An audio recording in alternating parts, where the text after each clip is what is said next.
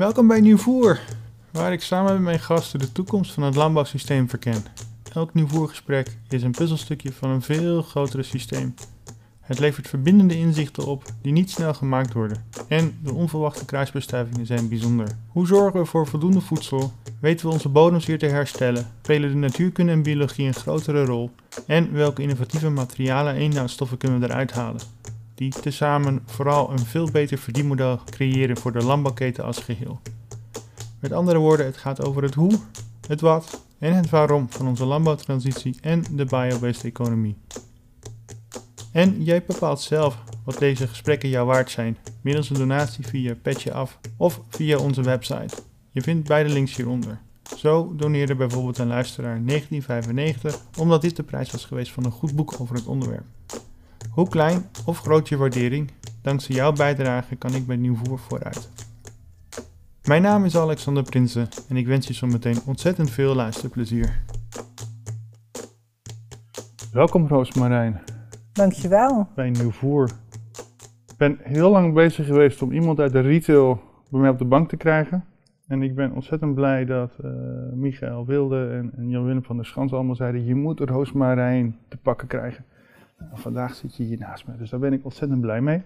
Nou, leuk om te horen. We gaan het, we gaan het vandaag hebben voor een deel, want er komen een hoop andere onderwerpen eh, gaan ook langskomen. Ook voorna, we proberen eigenlijk een beetje centraal de, de, de rol van de retail, laten we zeggen in de transitie. En wat biologisch, agro-ecologisch eh, de rol daarin is. Ehm, want ik heb ondertussen met Nieuwvoer al eigenlijk bijna de hele, keten al gehad, behalve dan de rol van de retailer. Daar is, zijn mensen heel dubbel in, positief, negatief. En ik denk dat het een mooie setting is om vanuit Gimzel en vanuit de biowinkels het, het, landschap te verkennen en dan ook de voor- en- en tegens eh, neer te zetten. Zodat we een beetje een beeld krijgen van waar jij met jouw familiebedrijf eh, mee bezig bent en doet heen gaat. ja, leuk. Ehm, maar laten we eens beginnen met wie is Roosmarijn en hoe is daar de verbinding met Gimzel? Nou, zoals je zelf net al noemde, we zijn dus een familiebedrijf. Ik ben eh, eh, momenteel een van de eigenaren. Ik doe dat samen met eh, mijn broer en mijn man inmiddels. En je broer heet Daniel, ja, mijn man Robert. En eh, ja, wij zijn de tweede generatie, dus eh, ik heb het stokje mogen overnemen van mijn ouders, die dat destijds eh, in, eh in 88 eh, de winkel gestart zijn eh, samen met een compagnon. Dat is al lang geleden. Ja, zo even geleden inderdaad. We gaan al wel weer even terug. En eh, ehm, eh, dat was eigenlijk, we zitten nu in de Groene Passage, een groen winkelcentrum in, in Rotterdam hier. In het, is bijna in het centrum, hè? Ja, het is eigenlijk ja, echt wel tegen het centrum aan. En daar zitten allemaal ja, groene winkels, om het zo maar even te noemen, duurzame projecten. En daar zijn we dus inmiddels onderdeel van. Ehm, maar mijn ouders zijn dus destijds twee straten terug aan de Botersloot eh, begonnen in het klein. Met een kleine natuurvoedingswinkel, een cursuscentrum daaraan gekoppeld. En een samenwerking met een eh, groene wegslager. Ja, dat was toen al. Dat was toen al. Ah ja. En ehm, van daaruit zijn we dus eh, ja, eigenlijk vrij snel. Mijn ouders komen uit welzijnswerk. Dus het was een hele mooie, eh, stevige sociale plek al Mhm. meteen in Rotterdam. Rondom biologisch. Ja. En we, ja, ze merkten dat daar veel animo voor was. En toen is eigenlijk eh, eh, vrij snel, en dat is vooral mijn vader die daar initiatiefnemer van is geweest. Die heeft daar echt wel plannen gesmeed van ja, dat zouden we eigenlijk groter neer moeten kunnen zetten. en eh, nou, hij had dan echt wel een groot eh, winkelcentrum eh, voor ogen. En, eh, nou, en toen zijn eigenlijk die plannen eh, verder tot eh, uitwerking gekomen. Dat heeft natuurlijk best wel wat jaartjes geduurd. Want hoe vind je een geschikt pand, et Ja. cetera. En uiteindelijk is dat in 97 dus eh, de Groene Passage geworden. Waar op de nu- locatie ja. waar we nu zitten. Ja, op eh, Hoek Mariniers en Goudse Singel. En eh, ja, dat is 2500 vierkante meter. Om het even een beetje... eh, Is dat veel? eh, Is dat weinig? Nou, eh, laten we zeggen dat nu elke vierkante centimeter al benut is. dus ik zou zeggen, het zou fijn zijn als we nog wat meer ruimte Maar hebben. Maar het is, eh, het is wel groots voor zeker Europese begrippen. Die samenwerking van allemaal duurzame bedrijven bij elkaar is eigenlijk nog niet gekopieerd. Daar zijn we uniek in. Uh, dus ik denk dat dat wel bewonderenswaardig is. Als je zegt, ja, 2500 vierkante meter is niet mega groot. Maar het laat wel mooi zien dat juist die samenwerking rondom dat duurzame biologische product, dat dat heel succesvol is. Uh, en dat vind ik altijd wel heel erg leuk hier in de stad uh, Rotterdam, dat we dat voor elkaar hebben gekregen. En hoe komt Roosmarijn dan in de zaak? Ja, hoe komt ze dat in de zaak? nou, uh, ik, uh, ik heb mijn lengte mee, net als dat jij dat hebt. En uh, ik mocht toen ik 12 was eindelijk mee in de winkel helpen. -huh. ik vond dat helemaal fantastisch. Ik moest wel lang zeuren bij mijn vader, maar goed, maakt niet uit, dat is gelukt. En um, uh, ja, van daaruit ben ik eigenlijk uh, het vak ingerold. En ik heb dat altijd fascinerend en je bent gevonden. begonnen met vakken vullen? Ja, uh, ook nog... we kregen ook toen nog best wel veel dingen in bulk binnen. Dus Ja. dan vulde ik zakjes granen of pulvruchten. maar we deden natuurlijk ook wedstrijdjes met de prijsstang. Toen werd alles nog geprijsd. Ja. Dus dan vond ik ook heel erg leuk als kind om te doen. en, en ja, ik mocht dan mee op zaterdag om te helpen in de winkel. Ik vond dat helemaal geweldig. En uh, ja, zo is dat echt gaan rollen. Hè. Deden we markten en braderietjes en deed ik altijd meewerken. En ja, van het een kwam het ander. En op een gegeven moment zijn we naar de Groene Passage uh, um, gegaan. En toen gingen we als winkel echt vijf keer zo groot. -hmm. En ik weet nog dat dat best een spannende periode was. Want we werden echt door heel het land wel echt aangekeken. Nou, daar in Rotterdam, wat ze aan het doen zijn, dat is echt wel... Uh, nou, die, die zijn niet, niet helemaal in orde. Was dat dan de eerste grote winkel in Nederland dan? Ik, ik, ik, ik probeer ook de tijdscontext Ja, te nou snappen. dat was natuurlijk 97. Ja. En er waren echt wel uh, winkels in Nederland hè, uh, rondom biologisch. We waren daar echt niet de enige in, maar we waren wel echt meteen heel groot. Wij gingen van 120 verkoop vloeroppervlak, Ja. VVO, naar 600. Inmiddels is dat 750, wat Grimsel nu omvat. Ja, dat was wel echt heel groot. Dus dat was wel... Uh, uh, nou, en dan met een horeca, met een woonwinkel, met een wereldwinkel. Nou, we hadden toen nog een boekwinkel uh, in de Groene Passage zitten. En die slagerij en een cursuscentrum en een schoonheidssalon.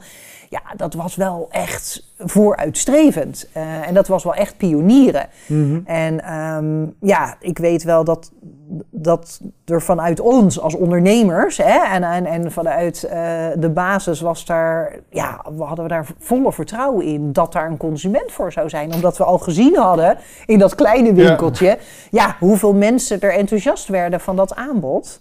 Uh, en zo is dus ook gebleken, want eigenlijk vanaf het moment dat we daar de deuren geopend hebben, is dat heel organisch, is dat uh, project gaan groeien. En hebben we daar eigenlijk met elkaar uh, ja, heel erg duidelijk voeten aan de grond gekregen hier in Rotterdam. Want ik vind het wel weer grappig, want, dan, als je het over Rotterdam hebt, dan denk ik meteen aan Rotterdam ten opzichte van Amsterdam en de andere steden en misschien ook ten opzichte van Duitsland. Hoe, hoe zit dat ja, hoe, zit, hoe ziet die markt, wat zijn de trends op dit moment? In, in, want ik ken de reformhuizen nog van vroeger. Ja. Er zit er nog eentje in de Zwart-Janstraat, een hele kleine, dus die, zijn, die gaan volgens mij richting hun pensioen. Ja. Ik hoop nog steeds op een dag dat Ecoplaza daar een investering in doet, want dan heb je in één keer weer uh, een winkel in de stad. En, want, want in Rotterdam hebben we niet zo heel veel. Nee, we hebben niet zo heel veel biologisch aanbod. En je moet echt je best doen. Ik moet echt mijn best doen om bij Gimsel binnen te komen, dat ligt nooit echt op de route. Uh, maar hoe, want jij vertelde dat in Amsterdam veel meer. Ja, ruim 40 uh, winkels zitten daar. Dus dat is natuurlijk extreem veel in vergelijking met Rotterdam. Dat, in Rotterdam hebben nou, we er... Dus, uh, in Rotterdam hebben we er... Oh, dat is erg, hè? Dat kan ik dan niet nu zomaar oplepelen. drie ecoplaza's. Nou, jij... sowieso drie ecoplaza's. We hebben Andijvie, wat ontzettend leuk in Delfshaven. Ja. Um, uh, ik denk dat je Reformhuis van Maastricht bedoelt. Dat zou kunnen, in Zwart Janstraat in ieder geval. In de soort, ja. En um, ja, dat is het volgens ja. mij een beetje. Uh, en ik hoop niet dat ik er dan één vergeten ben. Maar het aanbod is gewoon in heel veel minder dan dat we in Amsterdam zien. Nou, is het ook wel zo en Utrecht dat. heeft er volgens mij ook heel veel zin Ja, in. Utrecht heeft er ook veel. Um, ik, ik, denk, kijk, Rotterdam, wij zijn natuurlijk vrij vroeg, hebben we een heel groot biologisch project gestart in ja. Rotterdam hè, in 97. Ik denk dat dat maakt dat daar niet zoveel meer aanbod uh, naast is gekomen. En ik denk dat ook wel uh, komt dat Rotterdammers gaan ook wel meer buiten hun wijk. In Amsterdam zie je veel meer dat Amsterdammers heel erg wijkgebonden zijn. En in Rotterdam ga je veel meer door heel de stad heen. En ik denk dat dat misschien ook wel maakt dat, ja, de dan, uh, het centrum is niet zo groot. Welke wijken heb je dan nog? Waar ga je dan zitten in Rotterdam? Dat speelt ook allemaal mee. Ja. Um, maar ik denk ook wel dat ja, de grootte die wij hebben als Groene Passage en, en Gimsel hierin... en ook de breedte van het assortiment wat Gimsel biedt ook wel uniek is. En, en, dat is ook wel uniek in, in het speelveld wat we in Nederland hebben. Wij hebben gewoon heel veel verschillende leveranciers. En dat hebben niet alle biologische speciaalzaken. Ja. Want, want, is die markt nog aan het groeien? Wil de consument biologisch? Dus misschien, dan, dan, misschien laten we daar eens even laten we die vraag eens eh, uitdiepen. Nou, ik denk zeker dat de, de consument biologisch wil. Uh, dat laat mijn klantenkring in ieder geval zien. nee, maar dus, uh, zie, zie, zie je door de jaren heen, want ik denk dat het heel mooi is. De jaren 80 was nog eind jaren 80 was natuurlijk een hele spannende tijd. Het was, het was allemaal een beetje uh, rumoerig, rommelig. Um, en ik, 25 jaar vertelde jij, ik heb het niet doorgerekend naar vandaag, maar is dat 25 jaar als je het... Uh... Nou, de Groene Passage bestaat 25, jaar, dit jaar en Gimsel volgend jaar 35. dus dat is een 35, beetje... 35. Ja. Wat, wat is dan, wat is gebeurd in die 25 jaar, 35 jaar als, als het gaat om nou, reformwinkels, biologisch, misschien zelfs een beetje vegan, vegetarisch, want dat, daar zit het volgens mij soms, soms in een hoekje waarvan ik jammer vind dat het soms daar zit, want het is, het is veel meer dan dat. Ja, nou, ik denk dat het alleen maar gegroeid is. Dus, dus, en dat is wel wat we gezien hebben. Uh, er is meer aanbod gekomen. Mm uh, de winkels zijn geprofessionaliseerd. Uh, er zijn grotere winkels bijgekomen. Um, ik denk dat die consument um, inmiddels veel meer biologisch bereikbaar heeft. Hè. Ik bedoel, ook, ook de reguliere retail is natuurlijk met biologisch aan de slag gegaan in dat tijdsbestek van ja. die uh, 35 jaar. Dus je ziet dat het aanbod in biologisch wel veel meer vergroot is. Uh, maar ook bij ons soort winkels, dat er dus veel meer verkooppunten zijn gekomen. En dat die verkooppunten ook verder geprofessionaliseerd zijn. Um, dus dat is zeker een ontwikkeling. Aan de andere kant zien we nog steeds dat de thema's waarop een consument bij ons boodschappen komt doen, ja. nog steeds gezondheid en nog steeds milieu is. En dat zijn de grootste overwegingen, omdat hij het ja, goed wil doen voor zichzelf, maar ook vooral voor zijn leefomgeving. En dat hij daarin met biologisch gewoon een oplossing ziet in het huidige landbouwsysteem. Ja, want Um, in onze voorbespreking hadden we het op een gegeven moment ook een beetje over roosmarijn. Want je hebt, hebt wel een hele duidelijke visie over gezondheid, voeding en het automatisch komen aan de bodem en, en het landbouwsysteem. Ja. Laat ik het anders zo formuleren. Hoe ben je, hoe, hoe, welke ontwikkeling is er daar vooraf gegaan dat je zo naar de wereld bent gaan kijken? Nou, ik denk een heel groot gedeelte heb ik natuurlijk van huis uit meegekregen. Ja. Mijn ouders kozen heel bewust voor, voor uh, biologisch voedsel. Uh, maar ook vooral natuurvoeding, dus zo min mogelijk bewerkt. En, wat is bewerkt? Uh, nou ja, wat we vandaag de dag zien is dat natuurlijk producten ontzettend veel bewerkt worden en allerlei ingrediënten aan toegevoegd worden. ten opzichte... Zoals ik heb begrepen dat sinaasappels soms geverfd worden. Ja, nou en, en dat kan in de biologische branche sowieso natuurlijk niet. Ja. Um, dus er wordt veel meer gekeken naar dat stuk kwaliteit. Dus ja. wij kijken veel meer naar een stuk kwaliteit van voeding. Uh, ten opzichte van um, ja, uh, kwantiteit. En, en, kwa en, kwaliteit is dan inhoudstoffen? Of hoe, hoe kwantiteit, uh, kwaliteit kan inderdaad inhoudstoffen zijn, maar kan ook met name te maken hebben met hoe wordt een product verbouwd. Ja. Dus wat doet die boer op het land extra om dus goed zorg te dragen voor die bodem? Want die vitaliteit die die bodem, dat, dat die vrucht of dat zaad kan geven, dat maakt uiteindelijk dat product. En, en dat zijn de producten die wij willen verkopen, die vitaal, van, die vitale, uh, van een vitale bodem komen. Ja. En um, kijk, ik heb dat vanuit huis uit meegekregen. Maar ik zie ook heel erg dat als we goed voor die bodem zorgen, dat uh, we dan niet alleen gezond voedsel uh, tot ons kunnen nemen, maar ook heel veel andere problemen die we hebben rondom onze aardkloot momenteel uh, op kunnen lossen. Dus voor mij is dat een enorme drive, ja. dat door mijn voedsel ik kan bijdragen aan uh, problemen die we momenteel uh, met elkaar hebben. Maar zie je dat daar dan ook jouw rol of jullie rol in als Gimsel? Om, ik had het hier opgeschreven om. Ehm, waar, waar, staat het ook alweer? Um, om, ik had het zo gedefinieerd om, om, om klanten gezond te laten eten. Dat staat er, dat ja. staat, ik heb het zo geformuleerd omdat we ook het gesprek hadden over de duurzaamste supermarkt van Nederland, Albert Heijn. Ja. Waarvan Gimsel, Ecoplaza en dan een paar andere niet in datzelfde rijtje staan. Um, en, en, dat je daarmee ook een soort van polarisatie of contradictie of greenwashing ontstaat. Ja. Van wat, wat, wat jaag je door je supermarkt heen? Want dat is natuurlijk, je, je hebt een omloopsnelheid nodig om te kunnen overleven.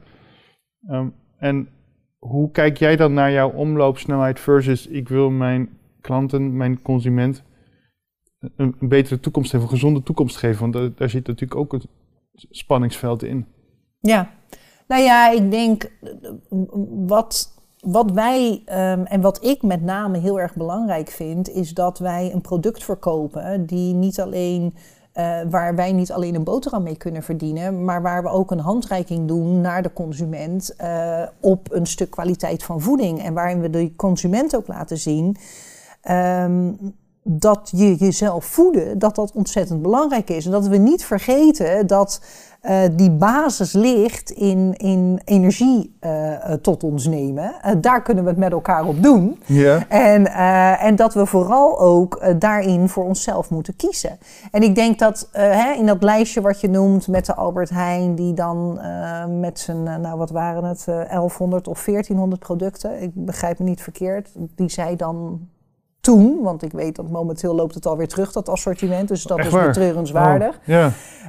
Um, uh, aan biologische producten verko uh, verkoopten.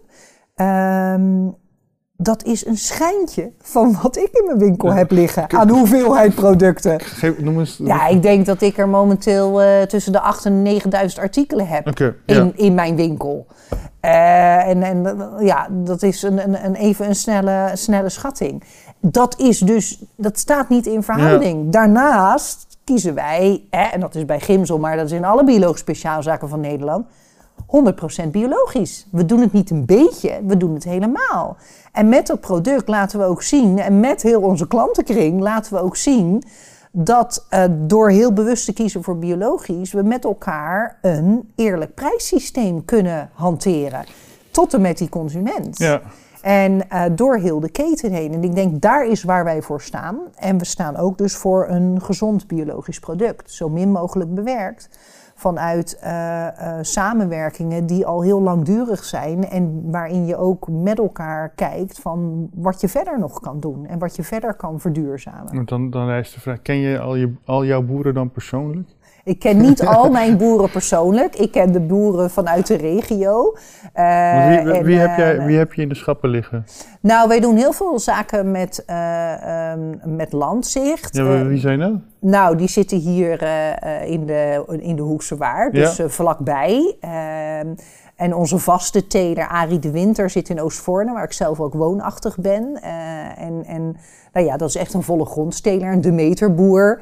Uh, en, en, uh, ja, die, die, leveren dan seizoens, seizoensproducten? Ja, en die teelt echt uh, een heel groot gedeelte van zijn teelt verkopen wij in Gimsel. Oh, wow. dus dat is, ja, dat is fantastisch. En dat rijden we dan ook zelf. Dus dat komt gewoon in, de, in de eigen bus, komt dat mee in, in het seizoen echt twee keer per week. En ja, dat is fantastisch. verser kan je het eigenlijk niet nee, hebben. Nee, komt s ochtends van het land en het ligt dezelfde ochtend in de winkel.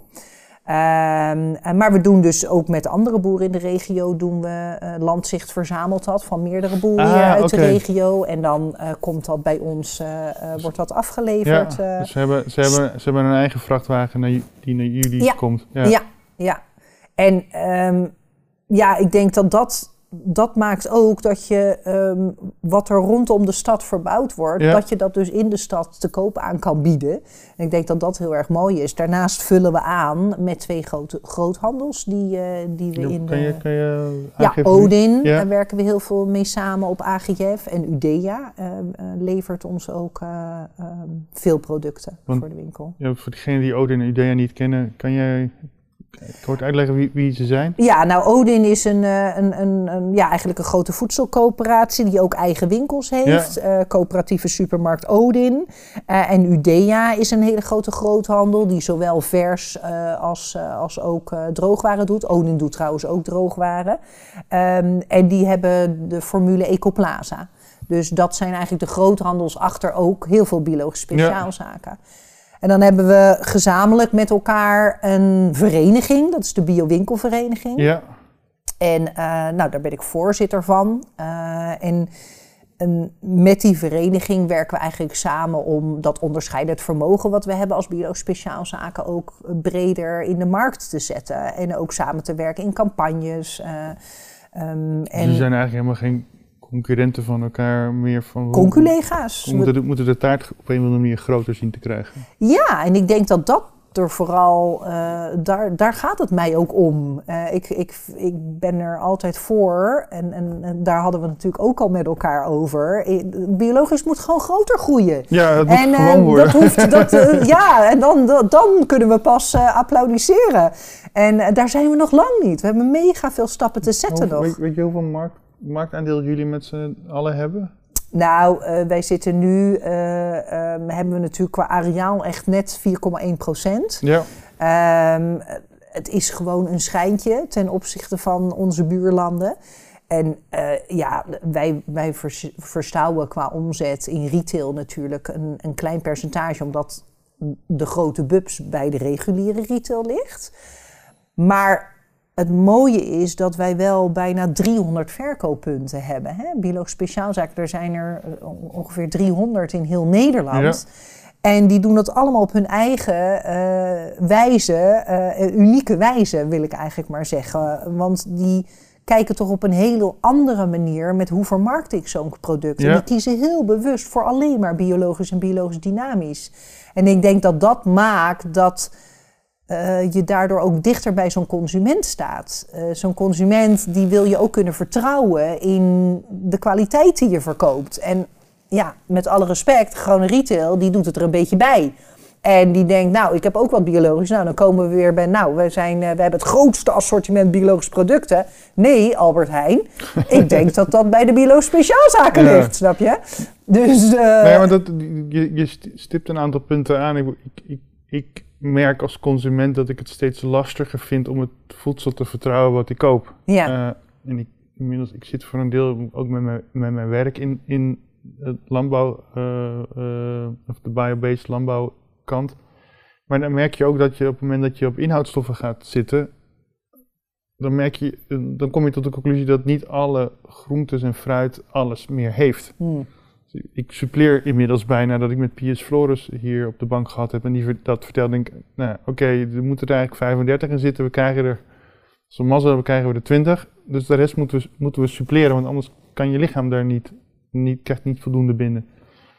Ehm, en als ik dan bij, de, bij de, de grote jongens kom, eh, die de- ongeveer alle kleuren van de regenboog hebben, dan weet je niet wie de boer is. Dan weet je niet of het op volle grond geteeld is. Dan weet je niet of het op de straat geteeld is. Je weet eigenlijk niet wat erin zit. ja. En nou ja, dan, als je dan naar een, een biowinkel gaat, vaak zie je het gezicht van de boer erbij. Je, je weet, eh, ook inmiddels heb ik mezelf ook geëducateerd in de keurlabels. ja. Want, want bio met het eh blaadje is dan, dat, dat heb je me allemaal uitgelegd. Dus ik hoop, als ik het niet goed heb, moet ik het zeggen.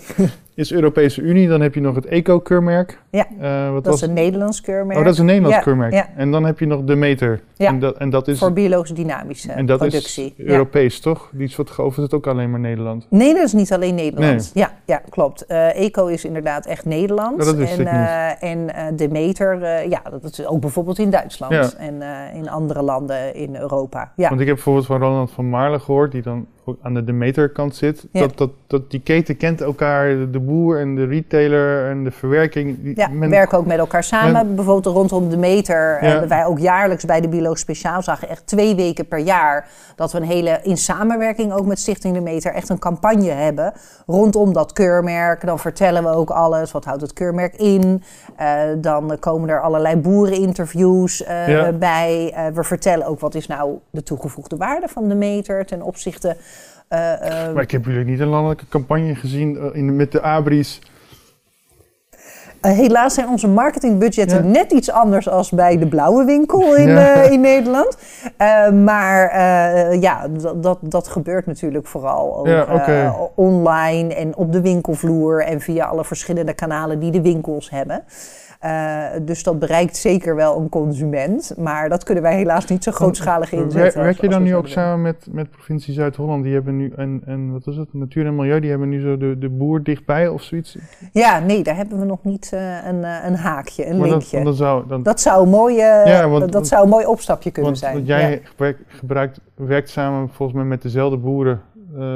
betrek jij je producten en Ja. dan heb je die korte keten ook duidelijker. Ja. Want dat is wat Jan-Willem van der Schans vertelde. Hoe Die korte keten organiseren vanuit je regio is gewoon heel lastig. Ja. Zeker voor de grote jongens, want die hebben een, logis, die hebben een distributie- logistiek systeem die heel rigide is. Ja.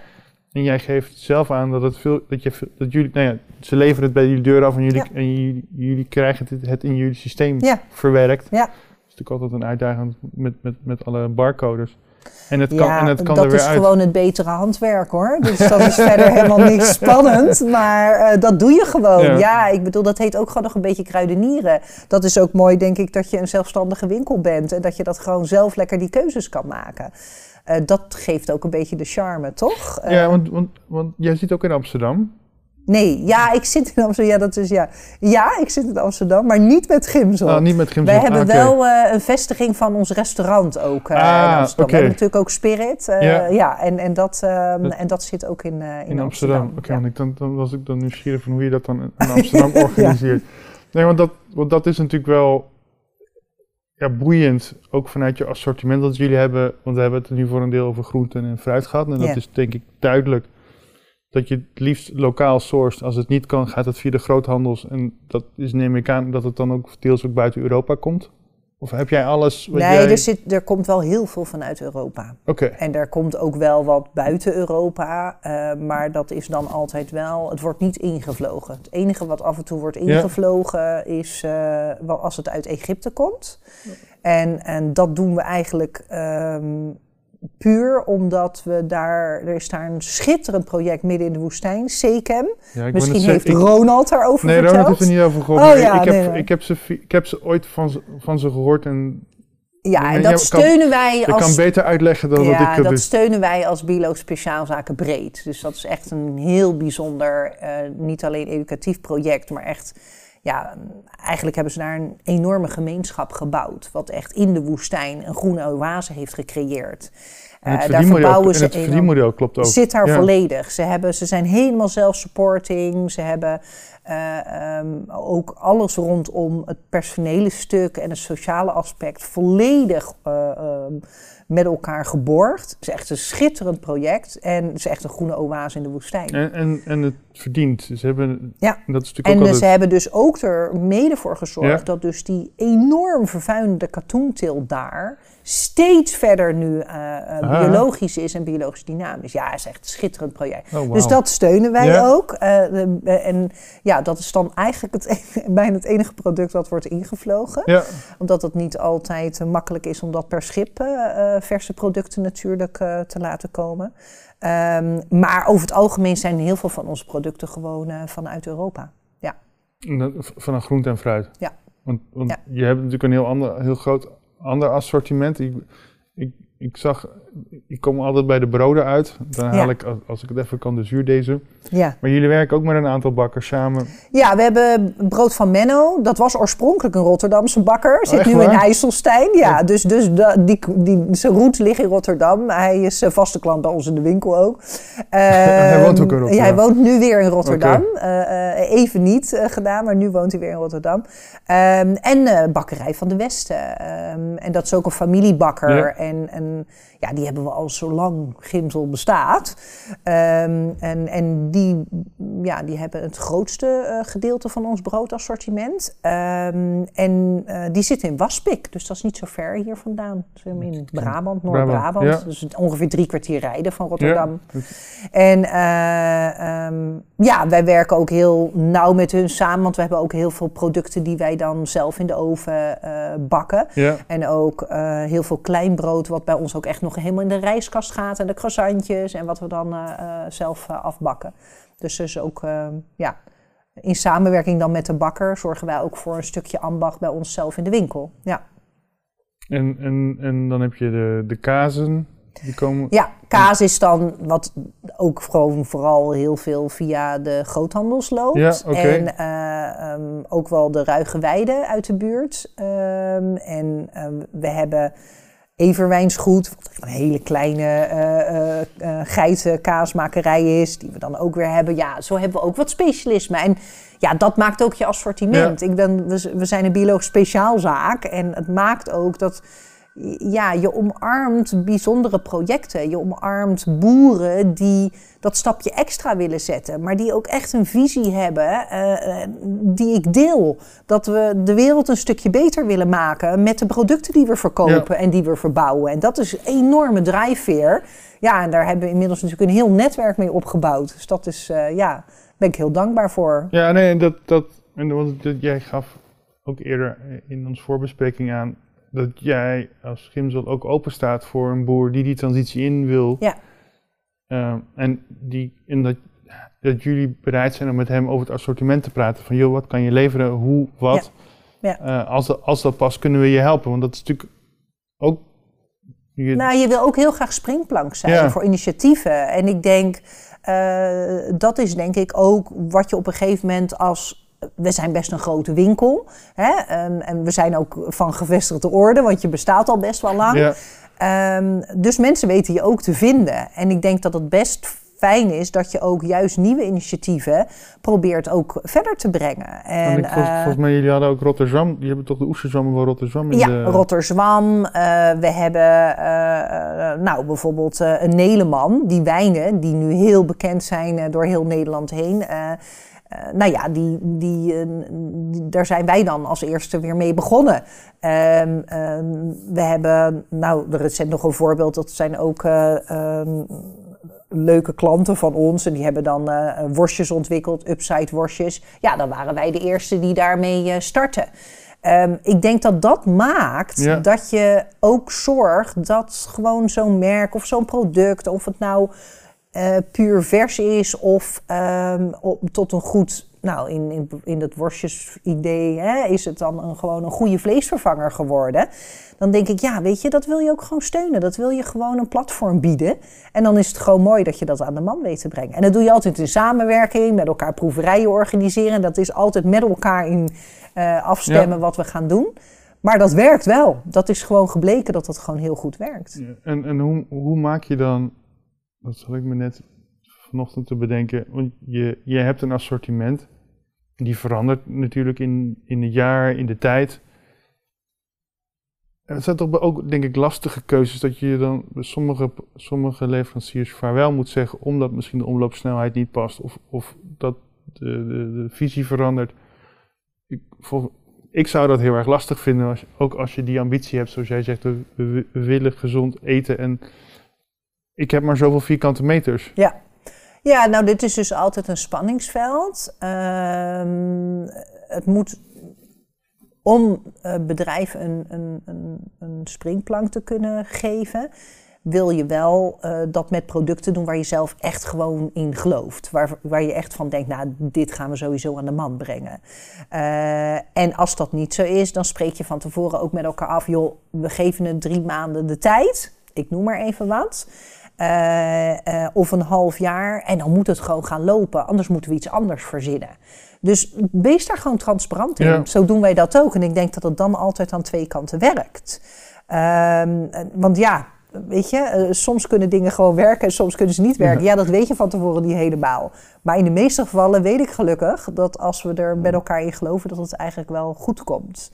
En dat je eh, assortiment verandert. Kijk, er zijn ook natuurlijk heel veel leveranciers en toeleveranciers en producenten of telers die um, ja, ook weer wat nieuws willen proberen. En die verwisselen dan dat ook vaak voor iets ouds of iets wat niet zo goed loopt. En dan spreek je dat met elkaar door. Het is niet heel vaak waarop wij zelf als Gimsel zeggen: hé, hey, dat krijgt geen plek meer bij ons. Uh, en sowieso vind ik een heel stuk basisassortiment, dat staat niet ter discussie. Ik vind gewoon bepaalde dingen moeten we hebben. Ik word er altijd heel blij van dat dan uh, klanten bij mij in december weer de winkel inlopen. Ik zou ze liever heel het jaar zien hoor, daar niet van. Maar dat ze dan in december de winkel inkomen. Oh Roos, ja, ik ben dan zo blij.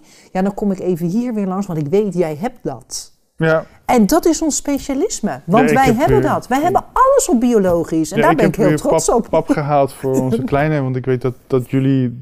De, volgens mij komt uit Duitsland. De Bibam. Biobim. Biobim. Ja. En mijn vrouw komt uit Duitsland en daar heb je dus om elke hoek van de straat ongeveer een biowinkel. Fantastisch. En, daar is het aandeel ook al veel groter. Daar willen wij naartoe. Daar zijn wij jaloers op. Ja, ja. Want je, je ziet wel, dat dan een beetje hak op de tap, maar om dat zo te, te, noemen, eh, je ziet de Lidl stappen nemen. Ja. Uh, die hebben het er niet heel erg over.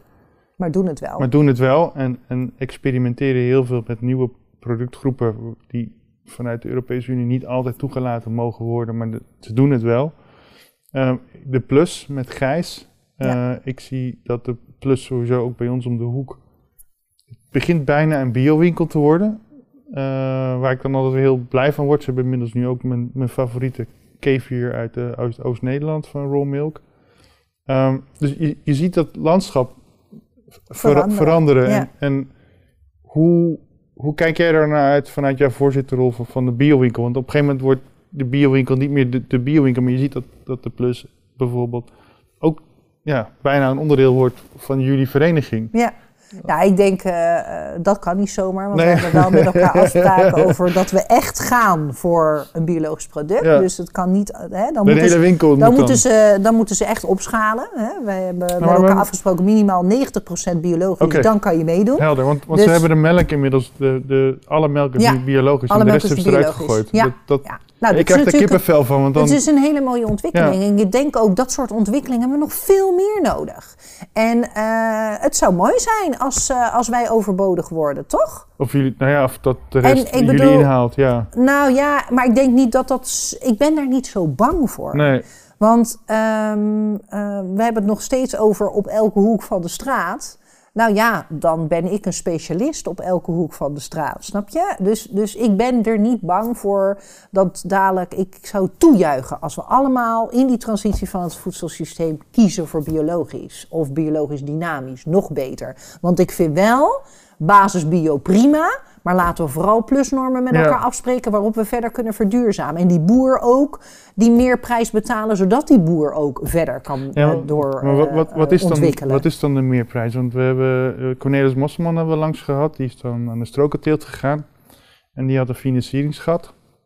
Uiteindelijk heeft hij iemand in het dorp gevonden die geld verdiend had ergens met het internet, die bereid was voor joh, voor mij mag je het geld lenen, ik doe er nu toch niks mee en zolang je me maar terugbetaalt, nee, dat, dat doet Cornelis. Je hebt Jeroen Klompen, uh, die het ook allemaal zelf financiert en ondertussen allerlei spin-offs heeft, zoals Soy Heroes, om daarmee zijn onderneming vooruit te, vooruit te helpen. Dus diegenen die die transitie willen maken, die zitten nu ook in een soort financieringsgat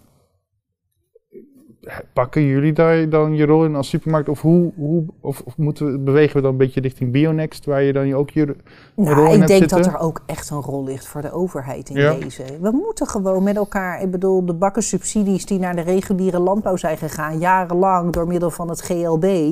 Uh, uh, het, het, landbouwbeleid. Okay, ja. Um, ja, we, we, moeten gewoon met elkaar zorgen dat we die transitie goed doen.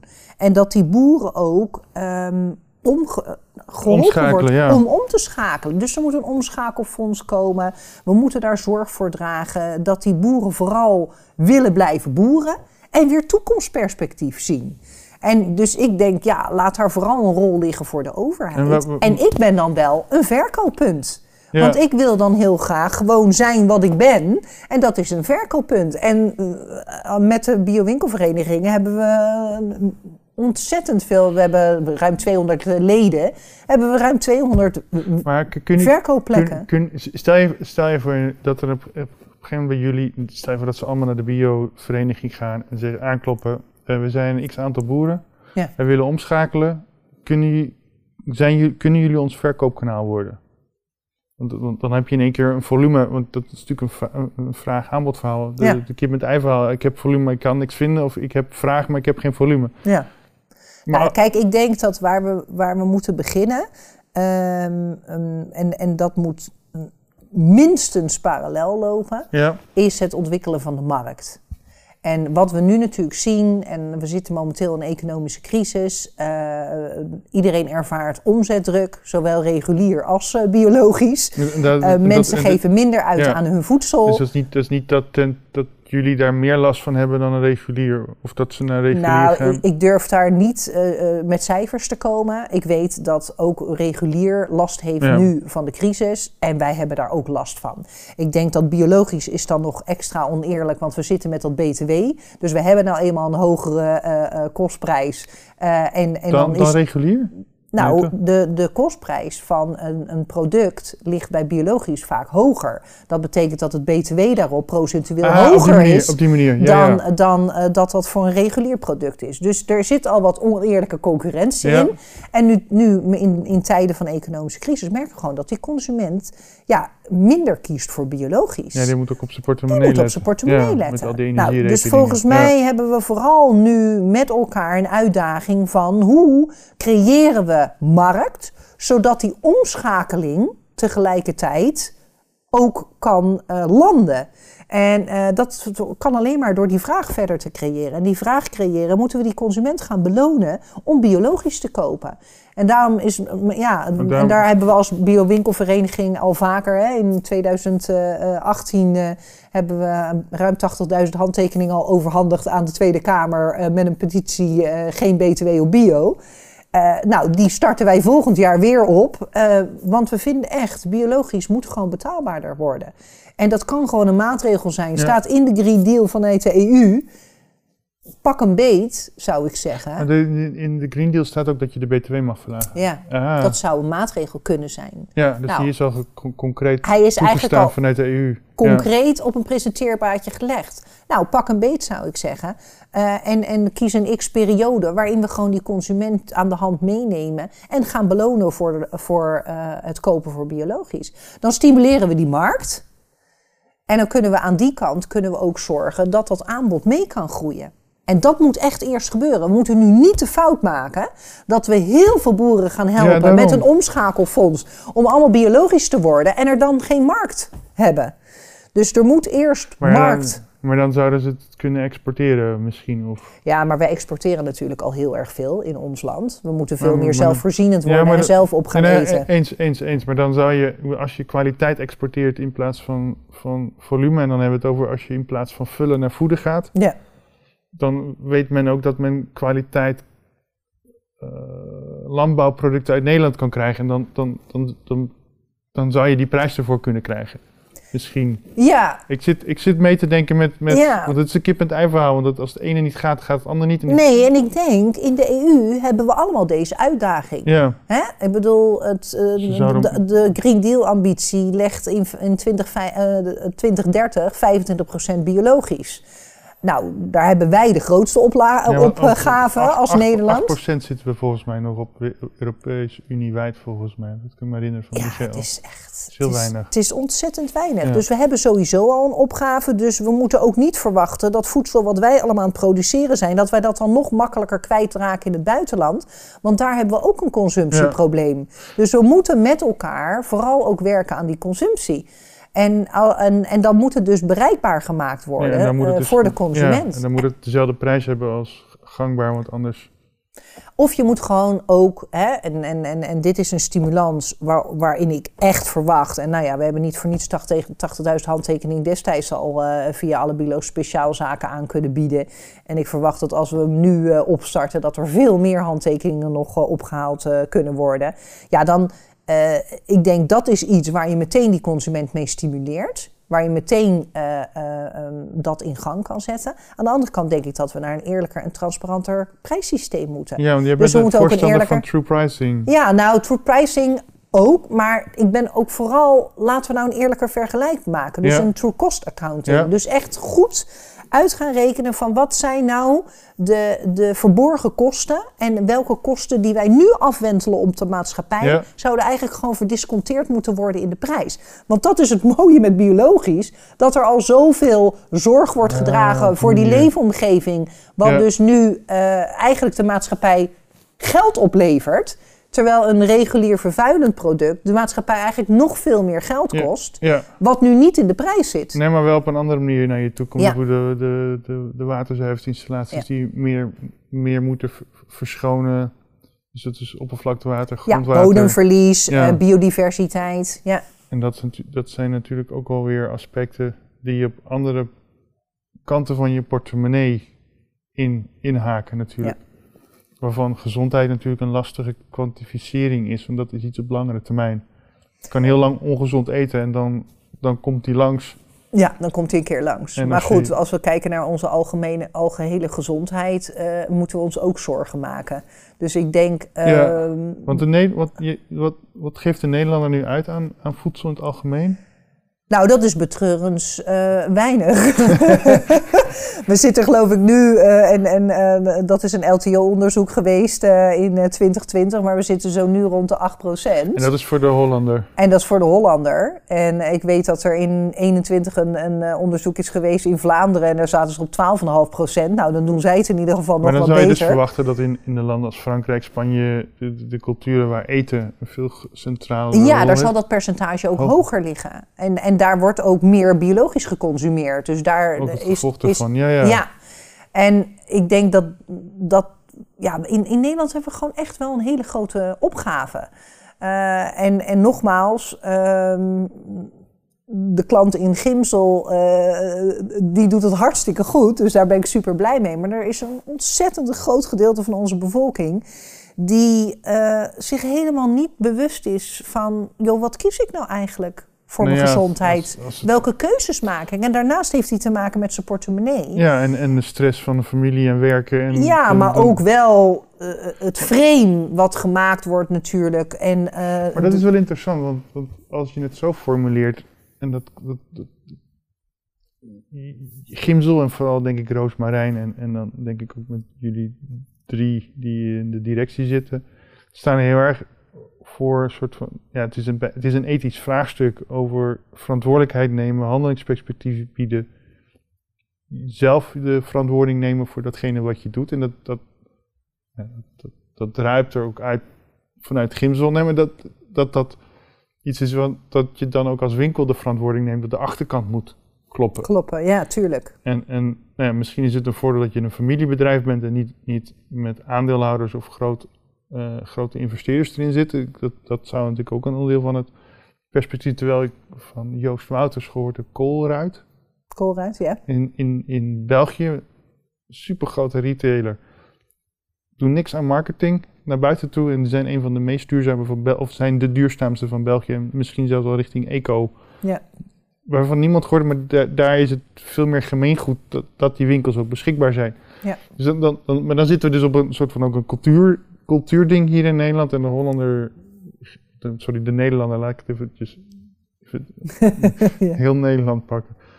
Uh, spendeert dan dus minder aan voedsel omdat hij dat geld ergens anders kwijt wil. Of, of het is sowieso gewoon lastig, omdat men sowieso elk dubbeltje vier keer om moet draaien. Om nou, ik denk dat een gedeelte van onze bevolking dat laatste ook heeft. En dat is natuurlijk betreurenswaardig. Ja. Dus daar moet sowieso zorg naartoe. Maar er is denk ik ook een heel groot gedeelte wat het wellicht gewoon wel kan betalen. Maar het misschien nu niet uh, het omfietsen waard vindt of uh, uh, het niet zomaar tot de beschikking heeft. En gewoon daar keuzes op zou moeten maken. In plaats van dat hij daar te veel met allerlei andere randvoorwaarden bezig is. Ik denk echt dat we zelf verantwoordelijkheid Maar is, moeten is, nemen. is dat dan ook de reden waarom jij Peppel, wat was het? Peddler eh, gekoppeld hebt aan jouw webwinkel? Eh, Ja, nou ja, ik had nog helemaal geen webwinkel. Eh, ook omdat wij dat als zelfstandige is dat gewoon echt met mijn assortiment, wat ik net al noemde, is dat een immens operatiebedrijf een erbij. Het is een tweede BV Eh, ja. dus, dus wij hebben nu sinds dit jaar een samenwerking met Peddler. En ja, dat, zij bieden het platform en wij kunnen daar ons assortiment op kwijt. En de consument kan via hun platform producten bij ons bestellen. En wij order pikken dat in Ja. de winkel en eh, dat wordt met de fiets opgehaald. En als de klant dat wil, dezelfde dag nog met de fiets gebracht hier in Groot-Rotterdam. Ja, dat was voor mij een heel mooie eh, toegevoegde waarde. Omdat ik zoiets had, ja, ten eerste doen ze dat op een hele duurzame manier. ja. En ten tweede, ik heb dan toch een platform nodig om dat assortiment kwijt te kunnen. Nou, en zij konden mij dat Nou bieden. ja, en, en, je maakt je rijkwijde Ja.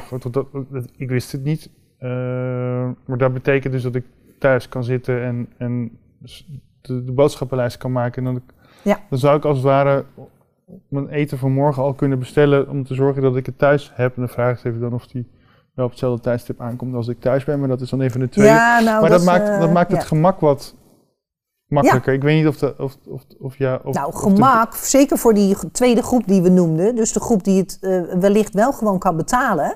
eh, maar dus heel druk is, altijd aan het werk, eh, niet altijd thuis. druk met de kinderen. Kinderen, we kennen het allemaal. Ja, die, voor die groep denk ik dat nou, de samenwerking die wij dus bijvoorbeeld nu met Petter zijn aangegaan heel nuttig kan zijn. Ehm, maar ik denk ook dat het een mindset nog steeds is bij heel veel mensen. Als we in de winkel zijn, dan eh, maken we gewoon ook nog steeds andere keuzes. Of we denken er minder over na, want we zijn druk en eh, nou, ik moet gewoon even dit en dit halen. Eh, we Nee, grijpen ook terug naar dezelfde gerechten. We zijn niet zo creatief daarin. Ehm, maar ik denk, maar ik het denk zijn dat... een beetje oude gewoontes. Ik weet niet of dat waar is, maar ik kan alleen maar vanuit mijzelf spreken. Ik ben nou ja, door nieuw voer en alles, mijn werk natuurlijk veel bewuster. Maar als ik, en als ik een supermarkt binnenkom, weet ik dat ik niet alles kan krijgen wat ik wil. Zeker als je naar de, naar de grote jongens gaat, want die zijn om de hoek. Dus die bijna overal binnen 10 minuten lopen, heb je altijd wel ergens een supermarkt. Uh, en dan heb ik altijd, nou, het is bijna een gewetenskwestie, zitten er dan de inhoudstoffen in, is het een volledig Ja, maar ben, denk, jij bent een bewuste consument. Jij denkt na over je voeding. Ja, maar ik denk, Je- ik denk dat heel veel mensen, ik heb het gevoel dat heel veel mensen dat onbewust doen. Alleen het aanbod is er niet, Ja. waardoor je geforceerd wordt om slechtere keuzes te maken. ja, En, Ja. en, en marketing, neuromarketing is een hele sterke tool. En mhm. voordat ik deze, deze stap gemaakt heb waar ik nu allemaal zit, was ik ook voor het gemak en snel. En ik dacht dat het allemaal wel oké is wat je koopt in de supermarkt. ja.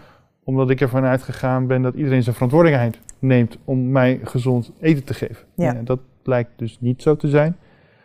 Uh, maar als je dan alternatieven wil zoeken, dan, dan zijn die er niet. Of je zult een auto moeten hebben en je gaat het zelf bij de boer halen. Maar Ja. dat is weer een logistiek.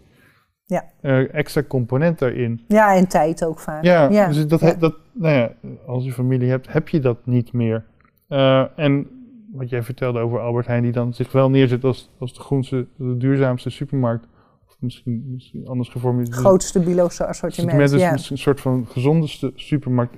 En, en dat ze dat niet zijn. Ja. Dat, dat, ik vind dat lastig. En, en ik, de marketeers doen hun best om jou wel het gevoel te geven dat je wel in de juiste supermarkt zit. Ja, dat klopt. Dus dat is ook het frame wat ik, waar ik net zeg maar aan, naar doelde. Het frame wat natuurlijk in de buitenwereld wordt neergezet, Ja. is ook moeilijk om te doorbreken. Dat is als consument helemaal niet Want die makkelijk. marketeers vertellen je maar dat het Alleen ik denk wel dat uiteindelijk ja, zijn we toch op onszelf teruggeworpen. Ja. Wat wil jij voor je eigen gezondheid betekenen? En wat wil jij verder in de wereld zetten? En, en nou, ik voel het ook als geen ander. Nou, we zijn beide ouders. Eh, Ik vind het zo belangrijk dat we die aardkloot door gaan geven op een nog wel goede manier. Ja, Ik maak me alleen maar zorgen wat dat betreft. Ja, en, nee, en... en- ik denk dat is denk ik iets wat... Ja, er moet gewoon eh, wat- voedingseducatie komen op de basisschool. Er moet over biologisch gepraat worden. Er moet, hè, we moeten gewoon laten zien dat er een andere manier van landbouwbedrijven is... die voor heel veel oplossingen zorgt. Ja, maar dat is het grappig. want Ik heb dat met eh Michael Korthals. Michiel Korthals. de voedselfilosoof. Ja, Ehm, ik weet niet of ze zijn voornaam goed uitspreekt. Ehm, over perceptie en koken en gewoontes en, en tradities. Eh, en ook dus hoe marketing zijn plek heeft verworven om on- on- ons iets te vertellen wat eh, niet waar is. Want marketing gaat over het verleiden. Althans, dat hebben de marketeers zichzelf wijsgemaakt. Ehm maar dat betekent dus ook dat ook al ben je bewust bezig. Nee, dat was het punt wat ik wilde maken. Op het moment dat je kinderen krijgt, ga je, dan besef je hoe belangrijk het is om neerstoffen, dat is Duits, maar ik weet niet zo goed wat daar de mooiste neerstoffen, ehm, inhoudstoffen, voedings, eh micro, macro, voedingswaarde. voedingswaarde, Ja. de micro- en macronutriënten, spoorelementen, dat dat super belangrijk is. Zeker voor eentje die net is komen kijken. Ja, En als je dan weet dat, dat, je de, dat je met de tomaten en sla en al dat soort dingen niet weet wat er nou echt in zit, of dat het maar een beperkt aantal spoilementen zit, dan word je als ouder gefrustreerd, angstig. ja. Ehm, Maar er is gewoon een oplossing. Ik bedoel, kies voor... ja, maar dat, maar dat haakt er wel in, in mijn portemonnee. Want Ja, ja. ehm, voor ons is Gimsel een, een, een, een feestmoment als, als het wat ruimer is. en ja, ik dat- denk dat het voor heel veel mensen is. Ja, maar daarom moeten daar dus ook stap in ondernomen Ja. worden. Aan de andere kant, als we even lostrekken van die portemonnee... en als je echt kiest voor kwaliteit en daarvoor gaat... ehm, wat we willen vinden in voedsel is veerkracht, is vitaliteit... Ja. is dat het ons energie brengt. En die bouwstoffen waar je het over hebt... Eh, ik denk wat heel mooi is aan de meter en, en eh, de meterproducten. Eh, Paul Doesburg had een, heeft recent een, een klein testonderzoekje gedaan.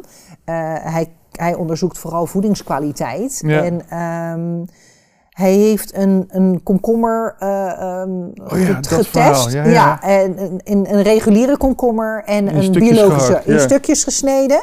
In dat cellofaan weer teruggedaan. 16 dagen later heeft hij gekeken van nou, hoe houden eh, beide komkommers eh, zich. En die BD-komkommer, dus die Demeter-komkommer, die biodynamische komkommer, die kon die gewoon zo weer beetpakken. En die was helemaal weer aan elkaar gegroeid. Terwijl die reguliere komkommer, die dus bespoten was, En minder spoilementen had misschien en dat slechtere die, bodem. Ja. die viel uit elkaar. Dat was een soort drap. En helemaal bruin geworden. Terwijl die... Die was al verrot.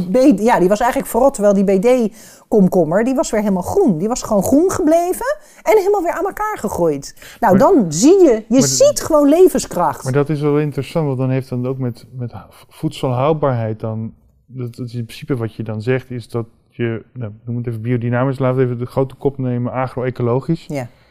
Dan vallen alle, alle subcategorieën daar mooi onder. Dat die groentes en fruit langer houdbaar, Houdbaar zijn. zijn. Ja, dat, dat- komt ook omdat het minder water bevat. Dat is interessant. Dus, dus en, en want, dat die... zet, want dat zet het hele verhaal van voedselverspilling ook op zijn kop. Ja, Want dan als het langer houdbaar is, dan is die verspilling naar verrotting minder evident. En dan kan je daar veel makkelijker nog een soep op iets anders van maken. juist. Of een pikkeltje even in je maken of nou, veel meer. Ja, of, fer- of fermenteren. Wat, Ja. wat, wat, Ja, dat wat bedoelde ik met een pikkeltje. Oh, ja. dat noem ik een pikkeltje, maar fermenteren Fer- inderdaad. wat- Dat is meer bekend woord nu. Ja, Ja, wat, steeds, wat, wat nu ook steeds meer komt. We, we krijgen, het maar natuurlijk bewerkt, voor mij moet het zo noemen, natuurlijk bewerkte producten, wat, wat fermentatie doet. Wat natuurlijk veel beter is dan, dan de processed. Ja.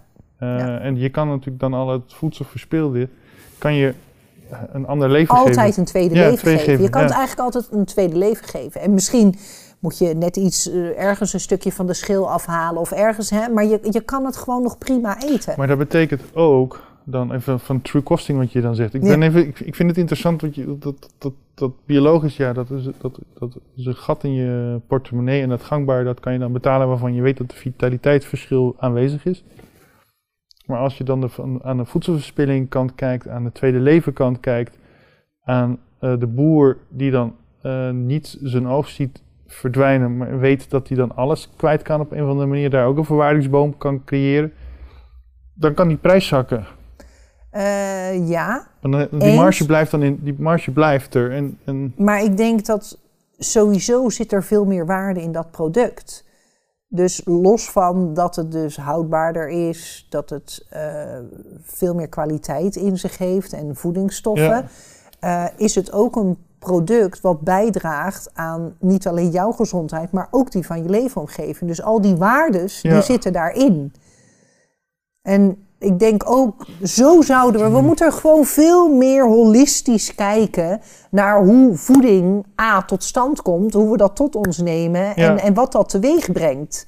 En als we veel meer holistisch gaan kijken naar ons voedsel en naar onszelf, dan worden we in mijn optiek ook veel meer gezonde mensen. En Ja, hebben we dan- op allerlei fronten veel minder maatschappelijke problemen. Nee, en dan snap ik ook de, de, de, de propositie van Soul Heroes van, van Jeroen Klompen, die nu oeveranden en straks ook het water zelfs gaan verhuren aan bedrijven die hun credits willen afkopen. Maar dan krijgt de boer krijgt dan in één keer een veel groter verdienmodelpotentieel als hij het goed doet. Dus meer, met meer Ja. biodiversiteit, daar word je voor beloond, dus dan krijg je een betere prijs omdat de maatschappelijke kosten lager worden, omdat men geen last meer van jou heeft. Misschien moet ik het zo formuleren. Ja, maar last is natuurlijk vreselijk. Want we hebben gewoon eh, goede boeren hebben we gewoon nodig. Ja, Het mag nooit zijn dat we daar last van hebben. nee, maar dus, dus maar nu, zijn ze een voedsel. maatschappelijk last, omdat het nitraten. Ja. En als ze, als ze van last naar, ik weet niet wat, wat is, wat is het, wat is de andere kant van last in de Nederlandse taal? Eh, Van, van, profijt? van- profijt of ja, Ja. profijt van nut, Nut, ja. nut dan, dan wordt dat verdienmodel ook op een veel breder vlak uitgespreid. En dan Ja, en ik denk ook dat we er zo boven moeten gaan Ja. hangen. En, en, maar dat is eigenlijk de, de crux ook van. Dat heet systeemverandering. We hebben gewoon we hebben te maken met dat heel ons systeem moet veranderen. ja. En dat we erboven moeten gaan hangen en moeten zeggen van ja, eh, wat schort er aan? Maar je kan niet zomaar al die factoren wegnemen. Je moet dan zorg dragen om weer naar dat totale plaatje te Maar, maar kijken. dat betekent dus ook dat de, water, wa- de, de, de, de hoogheemraadschappen weer een maatschappelijke rol moeten pakken met de boeren. Zeggen, jongens, we hebben last van jou. Ja. Al het nitraat, leuk en wel, maar dus kap ermee. ja, maar we moeten ook niet meer, m- niet meer zwijgen. We moeten juist opstaan Ja. en we moeten juist zeggen van jongens, dit gaat niet goed, dit gaat niet goed. En dat mag niet onder stoelen of banken geschoven worden. Want dat is ook het probleem met heel dat framen. Ik bedoel, al die eh, de grote machtpartijen die zijn aan het framen met hoe goed ze ook, ook groen bezig zijn.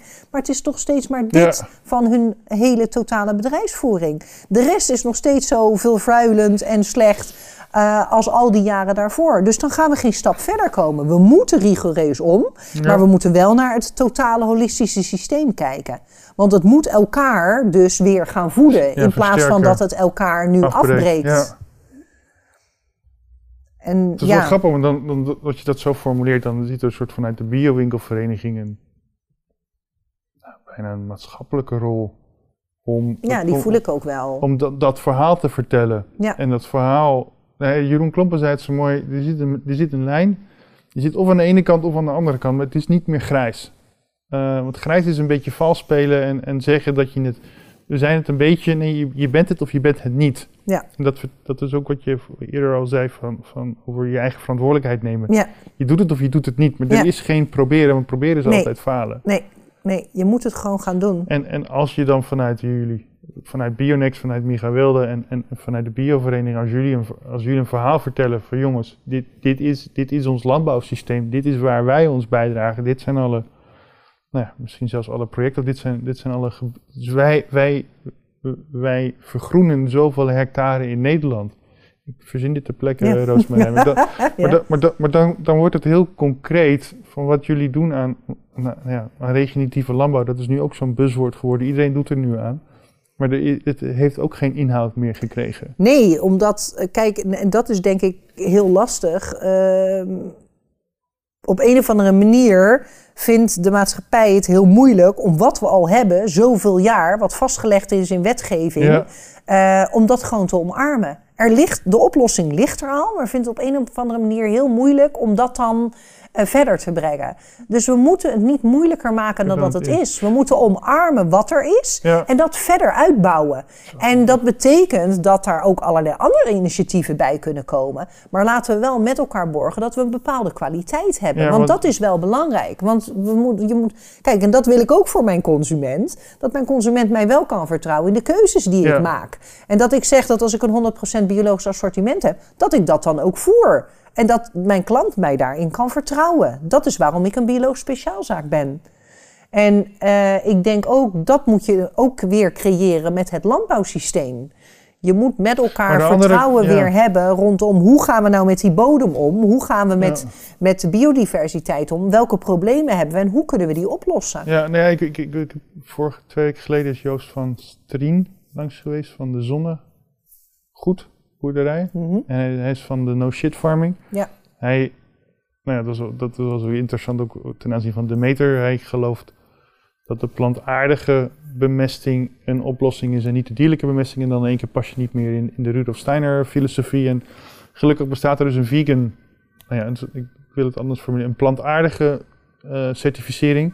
Dus geen dierlijke certificering, maar een plantaardige Ja. certificering waar, de- waar hij dat kan Onder kan brengen. Ja. onder kan brengen. Uh, maar ook hij zit dus ook, de- hij gaat dat doen. Ja. Hoe, wat, doe ik met mijn, wat doe ik met mijn aanbod? Ja. Want er komt spul van zijn land af, dus hij is bezig met zijn webwinkel. Hij is dus ook die korte keten aan het opzetten.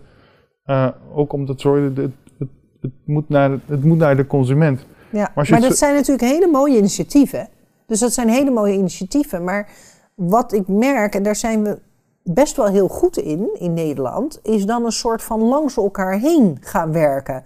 Terwijl ik dan denk, waarom zoeken we niet die verbinding op Ja. met elkaar? En kijken we welke mogelijke, mogelijkheden er liggen binnen al eh, eh, processen en, en, en eh, teeltwijzen die er gewoon al zijn Ja, nee, want, zodat je dus met elkaar Ja. dat aanbod meteen, dat, verhaal veel breder ja, maar dan is, want dan is het verhaal, en dat snap ik, dat die context ook van Jack Bean, die dan, dat, dat gaat dan niet door een retailer heen, maar Nee. die, die, die heeft zijn spullen onder andere bij Jeroen Klompen liggen. Ja. En zet dat dan weg in Nederland vanuit, dan vanuit een, een, hoe noem je dat nou, vanuit een restaurantconcept. Ja.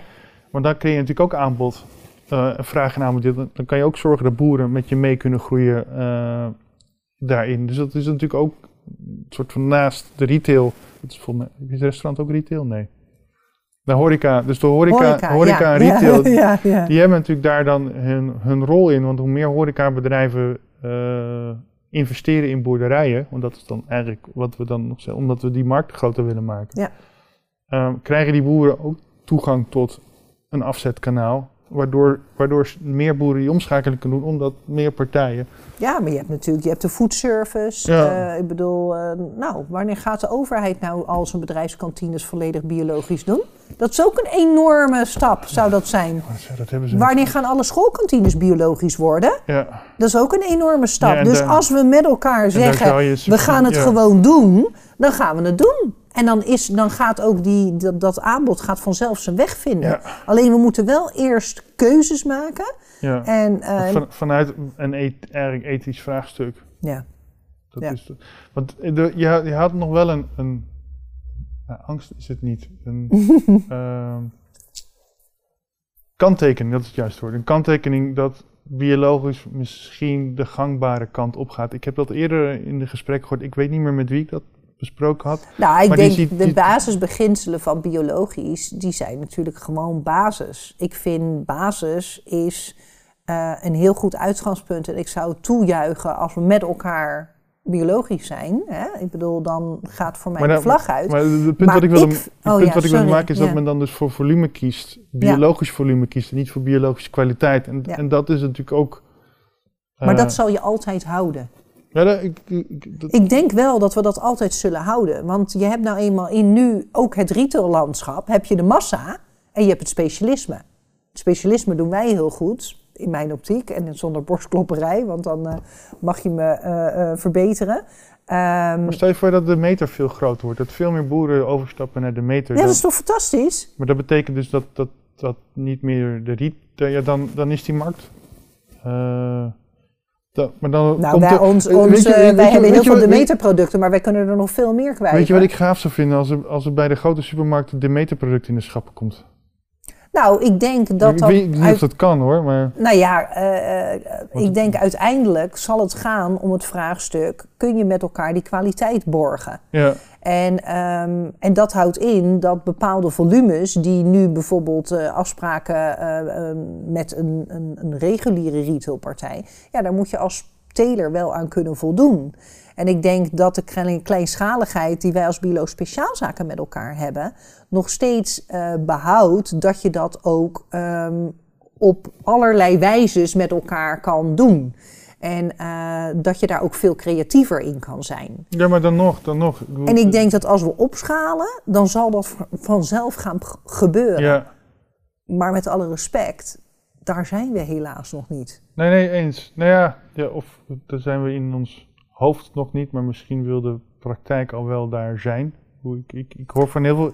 Er zijn heel. De, de, de markt nou, in, in, in, hè, nou, soms dan betrap ik mezelf erop. Ik praat dan altijd heel erg in mijn biologische wereldje natuurlijk. Ja. En dan denk je, nou, het is allemaal biologisch wat de klok slaat. Maar laten we heel reëel zijn, ons, ons marktaandeel is gewoon nog steeds heel Ja. erg klein. En ik denk dat dat de grootste zorg is. En, en ik denk dat er het afgelopen jaar, hè, want we zitten nu in december, ik denk dat we het afgelopen jaar eh, ontzettend mee hebben eh, in, in hoeveel er over transitie, biologisch, eh, ehm, verandering van voedselsysteem, eerlijke prijzen. Er, er is nog nooit zoveel over naar buiten gekomen. En wat dat betreft voel ik wel dat het tij gaat keren. Ja. En dat omarm ik ook volle bak. Want ik denk ook dat we dat volle bak moeten omarmen.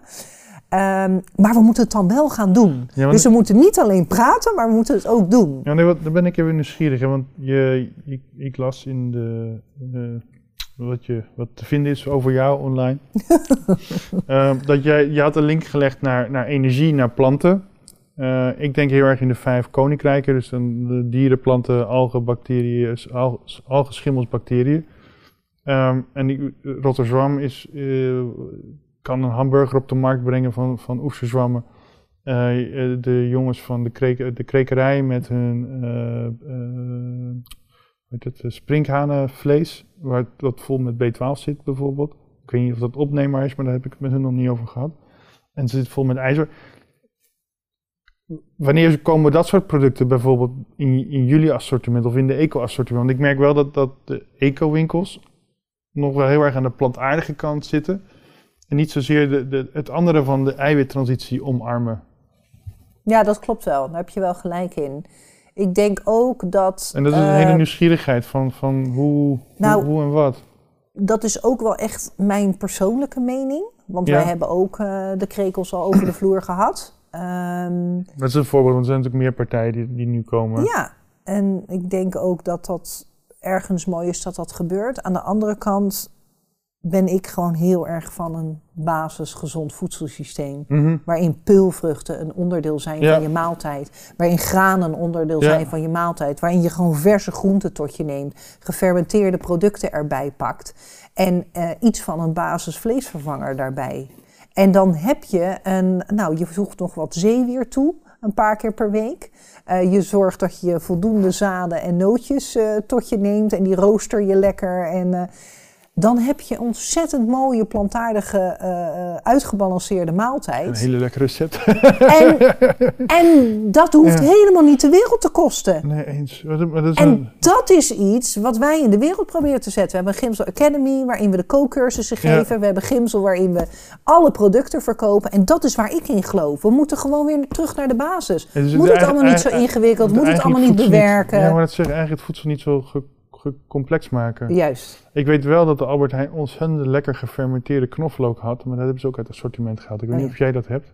Die zwarte knoflook Ja. bedoel je? Ja, dat hebben wij ook. Oké, Ja. nou, dan ga ik die binnenkort weer halen. Daar waren we ook net wat eerder mee als met andere andere Albert Heijn. Nou ja, je, je, je merkt onder andere van, van eh, wat, eh, eh, hoe heet die Pollen, die Amerikaan, die dat boek geschreven Michael heeft. Pollan. Michael ja, Pollan. Of, ja, een pleidooi voor echt eten. Echt, ja. echt eten en je merkt dat Vermekolen hier toevallig wij van, ik ken nou Rotterdam, dan, ik weet niet hoe de rest in Nederland zit, maar je merkt dat steeds meer partijen die fermentatie, zelfs eh, ehm, onze grote kruideniers eh, hier in Rotterdam van Steeg en Partners ja. zijn bezig om gefermenteerd voedsel eh, de markt natuurlijk onder een hele andere BV om te zorgen dat het niet bijt.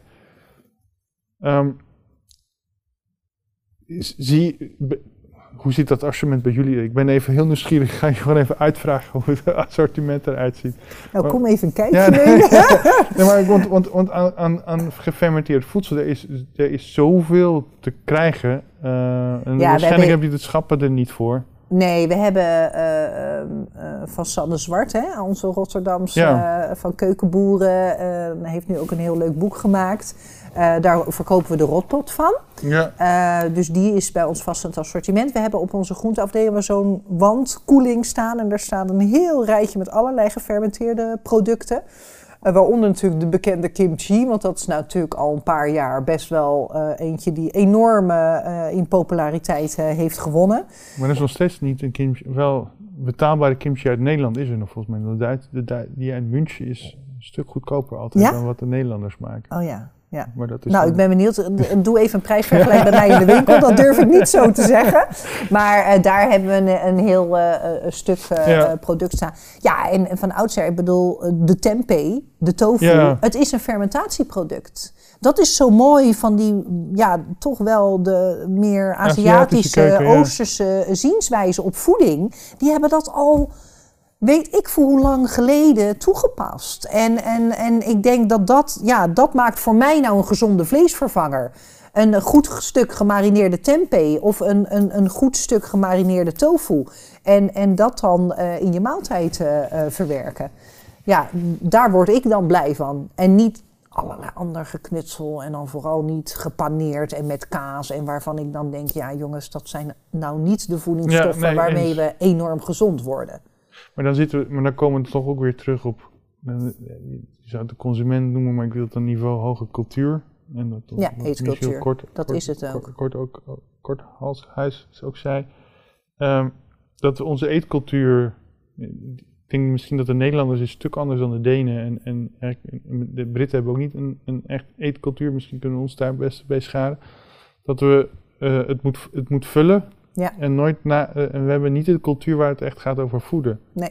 En Robaan is daar ook heel hard aan het, niet het aan het doorslaan, eh, aan het stampen dat we dat ook bij de Rijksoverheid naar binnen moeten krijgen. Ook vanuit zorgverzekeraars, ook vanuit schoolkantines. Ja. Dat het niet moet gaan zolang die buiken maar Nee. gevuld zijn, maar dat zolang die buiken maar gevoed, Gevoed zijn. zijn, ja. En de Ja. micro-organismen in onze buiken gevoed zijn. Ja. Want, ik, want, jij, want jij vertelde, en dat vind ik wel interessant, want zorgverzekeraars, ik kan inmiddels mijn abonnement bij de sportschool declareren bij je zorgverzekeraar. Ja, dat wel, hè? dat is altijd zo mooi. Ja, het Maar- gaat volle bak op, bewe- op bewegen. Ja. Ja. daar hadden we het natuurlijk over. Kijk, En- het en- feit dat we wel met elkaar in januari... en dan zeggen we nou, hè, eh, eh, ik moet echt gaan sporten. Ik moet echt meer bewegen.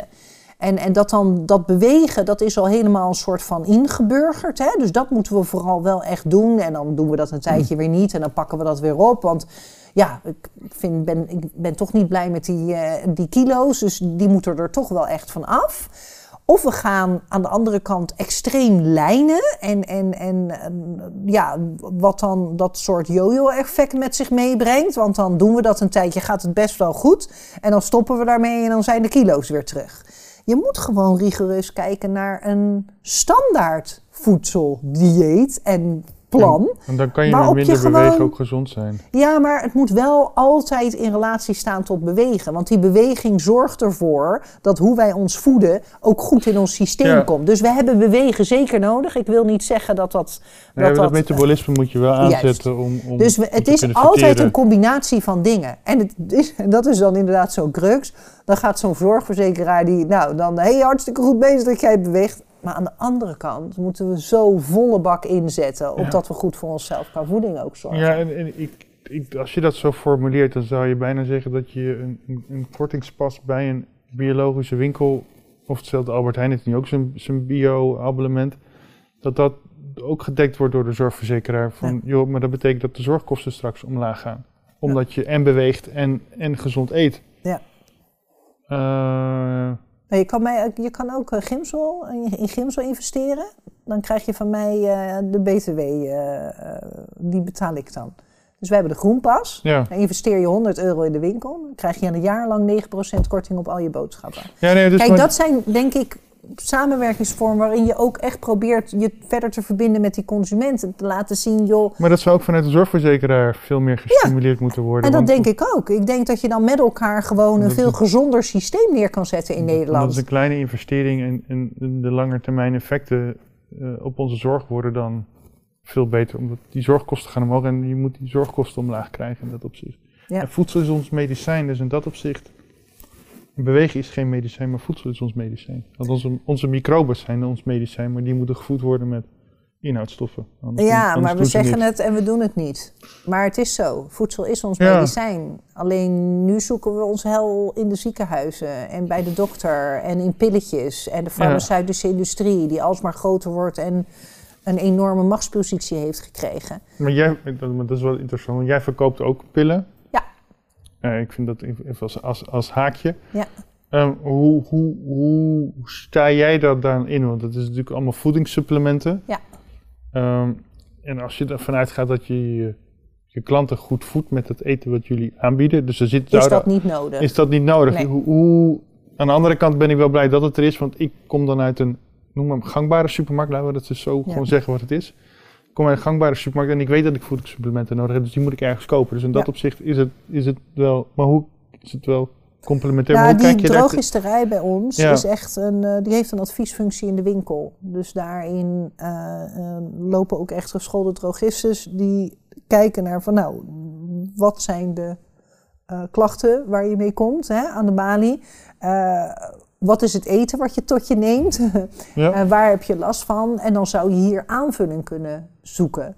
Eh, dus wij zien dat echt als aanvulling op je, allerlei je kleine ongemakken Ja. die de consument die bij ons in de winkel komt momenteel heeft. En dat zijn er nogal wat. Want we hebben tegenwoordig heel erg te maken met allerlei ongemakken, helaas. Eh, waarvoor we heel snel een paracetamolletje erin douwen en denken en weer door. Ehm, terwijl we veel meer zouden kunnen kijken naar, oh nou, wat is nou het voedselpatroon wat we eh, tot ons nemen? En, en dat is ook wat onze hebben we ge- drogistes en doen. Hebben we genoeg Hey, inhoudstoffen? Hebben we wel genoeg inhoudstoffen? Eten we wel gevarieerd genoeg? En ten aanzien van de klachten die je hebt, kun je dit tegelijkertijd aanvullend gebruiken. Dus bij ons is dat ook, nou ja, eh, ik hou heel erg van dat holistische kijk. eh, Het, het een staat niet los van het ander. Het is niet van, joh, ga lekker door zo en hier heb je een vitamine C. Nee, kijk naar je voedingspatroon. Je zou dit en dit eh, daarin kunnen Ja. veranderen. En aanvullend nu zou ik je dit kunnen Of adviseren. eet eens wat meer tomaten of eet eens meer van, van dat uit ons assortiment. Want dat, daar zit datgene in wat Ja. je zoekt. Of hier heb je een recept voor de komende weken. Ja, ja, en laat eh, bijvoorbeeld zuivelproducten even een tijdje staan, omdat je chronisch verkouden bent. Probeer dat Hè? eens, probeer dat eens eh, tien Is- dagen. zit daar een En relatie zit ja, ja, Vertel. ja, daar zit een relatie tussen. ja. Vertel. ja, zuivel werkte enorm verhardend in ons systeem. En we krijgen veel meer, veel sneller last van allerlei verkoudheden en slijmvorming. Eh, en als dat chronisch wordt, dan ja, kun je eigenlijk zuivel bijna niet meer eh, verdragen. Waarom?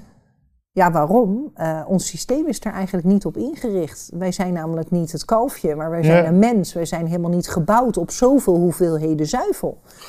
En dat is iets wat, ja, waar we in Nederland sowieso natuurlijk best wel veel last van hebben. Dus als we dat gewoon op mindere basis zouden nuttigen, zou dat gewoon prima kunnen. Maar als we dat zo dagelijks in ons voedselpatroon tot ons nemen, Ja. ja, dan kunnen heel veel mensen daar enorm veel last van krijgen. Grappig. En ik zeg altijd, als je tien dagen iets even helemaal laat, bijvoorbeeld, heel veel mensen zijn natuurlijk gewoon verslaafd aan suiker. Ga dat eens tien dagen niet doen en ga eens kijken hoe je je dan voelt. En, en ja, dat soort testjes, om dat met jezelf te doen, gewoon weer wat meer te voelen van wat voeding met je doet, dat, dat is vaak ook een intrinsieke motivatie om daar dan op door te gaan. Dus ik probeer mensen daar ook altijd wel in te triggeren. Joh, laat gewoon eens een keer dat staan. En kijk eens hoe dat voor je werkt. In plaats van dat ik zeg, je moet dit en dit en dit. Ja. Want we willen ook uit dat belerende natuurlijk. We moeten veel meer dat zelf vanuit onze eigen motivatie gaan doen. En vertaal je dat dan ook naar, vertaal je dat ook naar jouw boeren? Of naar de boeren die die, die, die transitie in willen? Want dat, dat, dat, het, het samenwerken met de natuur betekent dat je eh, esoterisch gezien met energie moet voelen. Maar gelukkig hebben we eh Henk Kieft langs gehad die dat allemaal met kwantumlandbouw keurig heeft uitgelegd dat dat ook daadwerkelijk eh, is daar op het land. Ehm, Dus het- dat- mechanistisch is, is vooral met het hoofd. Mhm. En, en je zou misschien agro-ecologisch veel kunnen zeggen dat het veel meer met het hart is. En, intuïtief in- intuïtief. ja, Maar dat vraagt wel wat dat vraagt zeker van, wat. van een boerenondernemer. Ja. ja, maar van elke ondernemer, toch? Ik denk dat, ja, ik denk het wel. Ik denk dat ondernemen iets is wat je eh, met je hoofd doet, maar vooral ook met je hart. Zo zie ik het in Ja. ieder geval. Ik wil niet alleen maar dingen doen met mijn hoofd, omdat ik dan denk, nou, dat is helemaal niet verstandig. Ik wil ook dingen met mijn hart doen. Ik wil ook dingen gewoon soms doen, omdat het bij mij voelt dat dat goed is. Ja, En dat hoeft niet eh, geld op te brengen of dat hoeft niet eh, eh, mijn verdienmodel te zijn. Je moet dingen ook doen, in mijn optiek, ehm, vanuit een bepaalde drive en vanuit een bepaalde intuïtie. Ehm, eh, maar dat betekent wel dat ehm, je moet terug moet kunnen naar je gevoel. En, eh, en ik ervaar toch heel vaak tegenwoordig bij mensen dat we zo enorm in ons hoofd zitten dat we niet meer zo goed kunnen voelen. Letterlijk aarde, om het zo maar te zeggen. Dus ja, dan hoop ik altijd dat eh, zo iemand even heerlijk een boswandeling gaat maken en weer even voelt, oh ja, waar ben ik ja, nou toch je maar hopen eigenlijk? dat hij de tijd neemt. Maar daar zouden we wel veel meer naar terug moeten. En ik doe dat als ondernemer met Mhm. hart en hoofd, hè, op intuïtie. Mhm. Eh, en ik hoop dat veel meer mensen dat gaan doen. En dan dus ook voor zichzelf kiezen daarin. Ja, want, want, want, want als je dan, want jij, jij, jij vertegenwoordigt een keten. Eh, want, dat, want jij bent een, een naar. Ik ben voorzitter van de Bio-Ink-vereniging en daar heb ik natuurlijk samenwerking met een bestuur. En door middel van mijn voorzittersrol eh, draag ik ook bij in het dagelijks bestuur van Bionex, dus waar Michael directeur Ja. van is, dus eh, de, de brancheorganisatie. Ehm, en, en ja, ik voel me verantwoordelijk voor eh, onze winkels. Alleen dat draag ik natuurlijk met al mijn Nee, leden. ja. Dat ben ik niet in mijn nee, eentje. want, want, ik, want, Ik- want- want de reden dat ik erin inhaak is dat met Cornelis Mosselman, die is van het- met het hoofd naar het hart gegaan. Ja, Nou, die ziet dingen gebeuren op zijn land waarvan hij echt, wauw, wauw. Ja, wauw, wat moet ik hiermee? ja. Joost van Strien vertelde dat ook. In één keer heb ik veel meer wormen, dit en dat. Ja. En Hoe ga ik daarmee om? Ja, hoe Ja. ga ik daarmee om? Eh, eh, Jeroen Klompen is al een hele lange tijd met het hart bezig. Die heeft ook een beetje de Japanse filosofie omarmd in, in zijn zijn samen ook met Tomasu. Eh, dat, dat je, je moet, en is technologie ook gaan afbouwen. Eh, want als je, pas als je snapt wat je ziet, weet je wat je moet doen. Ja. En soms is dat niks doen en soms is dat ergens iemand een, een deeltje geven. Ja. Ehm, maar dat betekent dus ook dat, nou ja, ik denk dat de, de, de- volgens mij dat de meeste biodynamisch zijn al met het hart bezig. Is dat eigenlijk wat je dan op die manier, dat is wel interessant. nee, maar als je, als je die, die, die keurlabels naast elkaar zet, de, de, de, de, het groene blaadje van de Europese Unie, dat is dan de basis. Basis biologisch. Nou ja. ja, dus dan, Geborgd, netjes in wetgeving vastgelegd. dan, ja. dan doe je het minimale en dan ben je, dan nou, het minimale, dat draagt bij aan onze leefomgeving. Nee, Dus het is gewoon, eh, het is iets wat met minder, minder spuiten. Dus, niet, niet minder spuit. Je spuit niet. Dus geen pesticiden, ik- geen kunstmest. Oké, ik, hoor, ik hoor nog wel van verschillende mensen in de markt dat daar dus ook nog wel een klein beetje. Nou, in, in mijn optiek geen pesticiden, geen kunstmest. Dat is basisbiologisch. En daarbovenop hebben we dan het eco-keurmerk. Ja, Ehm, en dat is echt eh, maar dat, maar, maar dat betekent, Nederlandse productie. maar dat betekent dus ook dat we dus, laat ik zeggen, gangbaar veel meer met het hoofd is. Ja. En biologisch eigenlijk veel meer met het hart is. Veel meer voelen. Want dat is eigenlijk wat. Dat, maar dat is natuurlijk wel in. Nou, veel meer met het hart, omdat we in verbinding willen staan met die natuur. We zijn niet in ons eentje. Wij zijn onderdeel Ja, we, van. we, we, we zijn natuurlijk, we zitten onder de schimmels en de Juist. bacteriën en de giften. Wij zijn ja. onderdeel van het systeem. Wij zijn niet degene die hier bepalen. Nee, we zijn een onderdeel van het systeem. En wij moeten dus ook functioneren in het systeem. Grappig. En Ja. dat, dat omvat dan uiteindelijk zeker, hè, als we steeds verder kijken, dan denk ik dat BD-landbouw daar eh, het verst in gaat qua eh, nou, ook kringloop en, en, en op het eigen bedrijf. En ehm, dat maakt de cirkel helemaal rond. Maar ik denk vanaf dat stuk biologisch zijn we veel meer aan het voelen. En zijn we veel meer gewoon, voelen we ons en zijn we ook onderdeel van die natuur. En, En, en, dan, en dan bots je tegen de ratio van onze economie. En Ja. wet en regelgeving, want dat is, dat, dat is natuurlijk heel rigide. Ja. En daar is voelen, eruit geschreven. Ja. Ja. Ehm, en dan, maar dan, dan, dan kan ik de transitie ook nu in dat opzicht veel beter plaatsen. Want als je, met, als je mensen tegen de wet en regelgeving aankomen, dan is, dan, is die zo, dan is die wetgeving natuurlijk zo geschreven dat alles een soort van rationeel neergezet is. Terwijl als je buiten bent, is het niet rationeel. Nee, dan is het helemaal niet zo zwart-wit en Ja. rechtlijnig. Ja. ja, dat is eens. En, en, en het. Het, de- En dat is denk ik... Kijk, aan de ene kant kunnen we dan met elkaar zeggen... Kijk, en het- Van nou, dat is heel vervelend, die regel en wetgeving. Hè? Eh, en dat is het ergens natuurlijk ook. Aan de andere kant borgen we daarmee wel met elkaar een systeem. ja, En is bewezen van dat systeem dat dat veel meer zorg draagt voor de leefomgeving dan het huidige systeem. nee, eens. En dan kan je natuurlijk met elkaar kijken van nou, hoe, en dat is denk ik ook het traject wat je met elkaar in zou moeten, van hoe kan je dat dan dus met elkaar blijvend eh, eh, weerbaar houden, maar ook flexibel genoeg dat je dus wel daarmee uit de voeten kan. Ja, en dat je duidelijk afspreekt, geen rotzooi eh, is de norm. Ja. En als je wel rotzooi hebt, dan... Ik, ik, ik Lig las, ik vanochtend Ja. een artikel over Tata Steel, waar de teugels nu aangehaald worden. Ja, Eh, en dat is denk ik een voorbeeld van een, van een omgevingsdienst die nu zijn verantwoording aan het pakken is. Ja. Eh, en datzelfde zou, zou kunnen ook gelden voor RIVM. De norm moet naar nul voor alles. Ja. En als je dat doet, dan betekent, nou ja, dan heb je partijen, bedrijven die dan in één keer problemen hebben. Omdat ze, geen, ge- omdat ze moeten investeren in, in een oplossing om het nul te krijgen. Maar dat is het onderdeel van het spel. Ja. En zoals, zoals Jeroen Klompen zei, welke kant van de streep sta je? En als je aan de goede kant wil, dan zul je je verantwoording moeten nemen. En dus ook een verdienmodel moeten ontwikkelen. Ja. Eh, Nou, je moet dus veranderen. en Ja. volgens mij is veranderen is best een moeilijk woord. Terwijl het helemaal niet zo ingewikkeld is. Maar we moeten veranderen.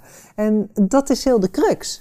En, en dat moet je wel willen. Dus dan moet je motivatie echt zijn, ik wil dit. En, en, en daar ontbreekt het nog op zoveel vlakken. En ja, ik denk dat is, ja, dat is gewoon treurig dat dat zo is. en dan het laatste over willen. Verpakkingen Verpakkingen, ja. in, in de biowinkels. ja. Heel veel plastic. Ehm, hoe gaan jullie daarmee om? Want ik denk volgens mij is dat ook een ethisch dingetje voor jullie. Ja, dat is zelfs een heel lastig vraagstuk. Eh, Even over het woord willen, want ik, volgens mij willen jullie wel, maar waar loop je dan tegenaan? Nou ja, je loopt natuurlijk tegen allerlei zaken aan. Eh, waar we ook tegenaan lopen is hoe wordt er omgegaan met eh, afbreekbare verpakkingen in, in afvalverwerking bedoel ik dan. Dus we kunnen met elkaar allerlei dure verpakkingen ontwikkelen en die zijn er ook. En wij hebben MySetMill-tassen als eerste in Nederland, hè, van die draagtassen. En we, we waren overal heel snel bij, omdat we ook, nou ja, onze visie is, het moet Ja. allemaal eh, zo duurzaam Ja. mogelijk. Eh, dus wat er voor handen ligt, dat willen we proberen te omarmen en op te pakken. Eh, vervolgens waren we de eerste met die draagtassen. En ja, dat was van MySetMail. En binnen de looptijd van drie jaar dat die dan zeg maar ehm, aan de consument meegegeven hadden moeten worden, waren ze al aan het composteren. Ze deden heel snel hun werk. Dus dat, eh, daar hebben we ook wel wat opstartproblemen gehad, om het zo maar te zeggen. Eh, maar tegenwoordig zijn die materialen natuurlijk al veel verder doorontwikkeld. Hebben we ook heel veel verpakkingen die wel composteerbaar zijn Ja, in de volgens winkel. mij zijn ze van, zijn ze van Novamond, weet je dat je weet? Eh, wij hebben met bio for Pack Oké. werken we heel veel samen. Ehm, maar we- ja, vervolgens, wat doet die consument met die verpakking? Waar komt die terecht en hoe werkt het bij de afvalverwerker? Ja, en heel dat traject, daar zijn we nog verder helemaal niet in doorontwikkeld. Dus ja, je wil, maar je kan ook nog niet helemaal. Ja. Eh, daarnaast hebben wij een hele grote bulkafdeling. Die ken je wellicht wel eh, achterin in de winkel bij het, eh, bij het brood. 150 artikelen, die kun je dus ook. Kan je gewoon met je pot komen en zelf tappen. Ja, dat hebben we ook eh, in 2020 eh, uiteindelijk eh, technisch voor elkaar gekregen met de weegschaal. Zodat je gewoon met je eigen voorraadpotten kan komen. Bespaart dan ook verpakkingsmateriaal. Of je kan een hele grote hoeveelheid in een zak doen. ja. Wat gewoon bij papieren afval kan en gerecycled kan worden. en je vult thuis je voorraadpot. Dus wij proberen daar wel echt rekening mee te houden en, en oplossingen te bieden. Ja, weet je de, wat Pieter Pot nu aan het doen is? Ja. Ja, ja. Ja, Pieter Pot, eh, eh, die heeft dat bij ons afgekeken. Dat was wel heel mooi. Is Daar was heel eerlijk in. Zo Ja? Van, eh, ja, ja, maar dat de bulkafdeling bij ons wel hem geïnspireerd had. Oh, echt waar? Oh, Ja. wat mooi. Ja. ja, en dat vind ik ook mooi dat je dat dan zo terugkrijgt. Ja. En ik denk dat zij een ontzettend mooi initiatief hebben opgezet met Pieter Pot. Niet biologisch, maar wel... Nou, dat vind ik dan natuurlijk gemiste kans. Ja, Want ik denk, wil je dan Ja, Dat zou ik dan ook denken. Ja, dat vind ik dan heel erg jammer. Terwijl ik het concept heel erg mooi vind. Dan denk ik, ja, dan moet je ook gewoon trouw blijven aan je product. En dat product is verpakkingsvrij. Product is minder verspilling. Product is ook gewoon een duurzaam product. Ja. En een duurzaam product is niet een regulier product. Nee. Dat is een biologisch Ja, product. of agro-ecologisch product, ja. Dus eh, eh, ik zou dat anders doen. Maar ik ben Ja. niet Pieter Pot, ik Nee, ben nee, Gimsel. Dus nee, ja, daarom, nee, nee, maar, daarom, maar de- die jongens, die, die- dat wat je eerder zei over jou als persoon en, en, de rol van Gimsel, dat je andere mensen iets mee wil geven. ja, een dus soort springplank. zo'n of, eh, Dus blijkbaar heb je dus nou, de jongens van Pieter Pot wel op een kunnen idee, inspireren. ja, op een idee gebracht. Ja. Dus dat is dan natuurlijk ook wel een, een je, je maatschappelijke rol die je dan. Nou, ik denk dat, dat ik neem soms mijn maatschappelijke rol wel heel serieus. Ik steek mega veel tijd in, in alles buiten de zaak. En, en gelukkig besteed ik ook tijd binnen in de zaak. Maar ik moet wel zorgen dat dat in balans blijft. En dat is natuurlijk altijd de uitdaging. Ik zie altijd heel erg dat brede plaatje. Ja. Ik ben, mijn drive is ook echt biologisch aan de man brengen. En dat is niet alleen in mijn eigen winkel, maar echt landelijk. Ja, En, en ik hoop zo dat we die transitie verder vorm kunnen k- k- geven met elkaar. Omdat ik er echt in geloof dat biologisch daar een van de juiste oplossingen is. En echt, echt mogelijkheden biedt voor ons maatschappelijk. ja En- ik heb de, de, de, de, de podcast gehad met Piers Flores, maar ook met. eh, oh, ik ben zijn naam vergeten. Dat krijg je van als je weinig slaapt met een kleine. Geen Eh, probleem. eh, ehm, de, man uit, een, schimmelman uit eh, Zwitserland. En hij vertelde, dus door te inoculeren in de gangbare landbouw, gaat de eh, eh, productie met 40% omhoog. Dus, dus op het moment dat je weer de schimmels terugbrengt, gaat je volume omhoog. En Piers heeft dat, datzelfde verhaal ook met daarin, maar dat was al veel meer in, het, in, in de, de, de, de biologische kant. Maar dus als de gangbare landbouw dus meer natuur terugbrengt in de, Heeft hij meteen meer productie? heeft hij meteen Ja. meer productie. En dan is het dan weer grappig dat dus dan, dan, dan, dan de gangbare landbouw, als die de natuur weer omarmt, hoef je niet biologisch te zijn, want dat is een keuze of je die certificering wel neemt of niet neemt. Ja. Eh, maar dan ben je wel meer met, nou, dan ga je meer naar het voelen toe. Ja. En je, je volume gaat omhoog, je land wordt gezonder. Je bent niet meer een last, maar je bent een, tenzij je niet alleen... Dan moet je dus wel kiezen om dingen ook te laten. ja, Dus dan moet je ook geen kunstmest Nee, meer nee, nee. gebruiken. Dan moet je ook geen... maar dan, dat, vinden, dat vinden de schimmels weer niet helemaal fijn. Dus dan ga je minder ploegen. En, Ja, dus, dus dat is nog wel een uitdaging, denk ik. Maar, maar, dat zou wel grappig zijn, want, sorry, Nee, nee, helemaal niet. Ehm, dat straks de gangbare landbouw, als je ze zou certificeren, biologisch is, Ja. maar ze kiezen er niet voor. Ja. Ehm, en dan diegenen die het wel, die zijn dan wel, dat is, een soort van, biologisch wordt een premium. Je betaalt wat extra, maar degene die dan gangbaar is, ook, en ook alle biologische praktijken toepast, gaat dan voor het bulk. Dus Ja, ik zit dit ter plekke, ja, het zou misschien zo kunnen gaan. kijken. Ik denk uiteindelijk eh, hoop ik dat je eh, met elkaar eh, toch een bepaald systeem kan borgen. Ja. Waarin je gewoon weet dat het een bepaalde kwaliteit heeft ja. en geeft. Eh, omdat ik gewoon vind dat we onszelf beter moeten voeden. Omdat ik zie dat dat gewoon problematisch is. En we daardoor heel veel problemen hebben. Dus je moet toch iets van een systeem hebben met elkaar. ja, Om te borgen dat dat goed zit. Ehm, of dat het huidige systeem is, dat weten we niet. Over een paar jaar, weet je, we, ik denk we zijn met elkaar in verandering. En eh, die transitie die gaat daar dan zijdelings aan. eh, eh, ja, die gaat er doorheen ja, fietsen. die gaat er doorheen fietsen. En dat gaan we zien. Ja. En ik denk, ja, laten we toejuichen dat dadelijk alles op een biologische wijze wordt geteeld. Al, al- Halleluja. Al, al, al dan niet gecertificeerd. Ja. ja. Grappig. Is er nog iets vergeten wat ik je moest vragen, Roosmarijn? Ik weet niet, we hebben het over heel veel dingen gehad, eh, volgens mij, eh, Alexander. Ja. Heb, hebben alles, heb je alles kunnen vertellen? Ja, volgens mij, eh, volgens mij wel. Ik, ik, ik, ja, ik, ik, mijn drive is gewoon enorm mee te helpen aan die transitie. En mensen, mensen enthousiast te maken voor een veel meer gezonde keuze in voedsel. En, en uh, dat doe ik door middel van onze mooie winkel, want daar ben ik ontzettend trots op. Maar dat doe ik ook in mijn werk voor de branche en, en de sector. En ik hoop onderweg gewoon zoveel mogelijk mensen steeds weer te inspireren en dat ook te gaan doen en keuzes te maken voor zichzelf en zijn leefomgeving. Ja. Dankjewel. Ja, jij ook bedankt. Zo, dat was het wel weer. Ik hoop dat je genoten hebt van ons gesprek. Wil je meer nieuw voer? Dan nodig ik je uit om donateur te worden van de show. Dat kan via petje af, schuine streep nieuw voer. De link vind je hieronder. Of doneer wat dit gesprek jou waard is geweest. Ook via petje af, schuine streep nieuw voer. Zo zorgen we ervoor dat we samen meer voer kunnen produceren. Wil je er een keer live bij zijn? Dat kan. Schrijf je in op onze mailinglist op de website www.nieuwvoer.nl en dan mis je geen editie meer.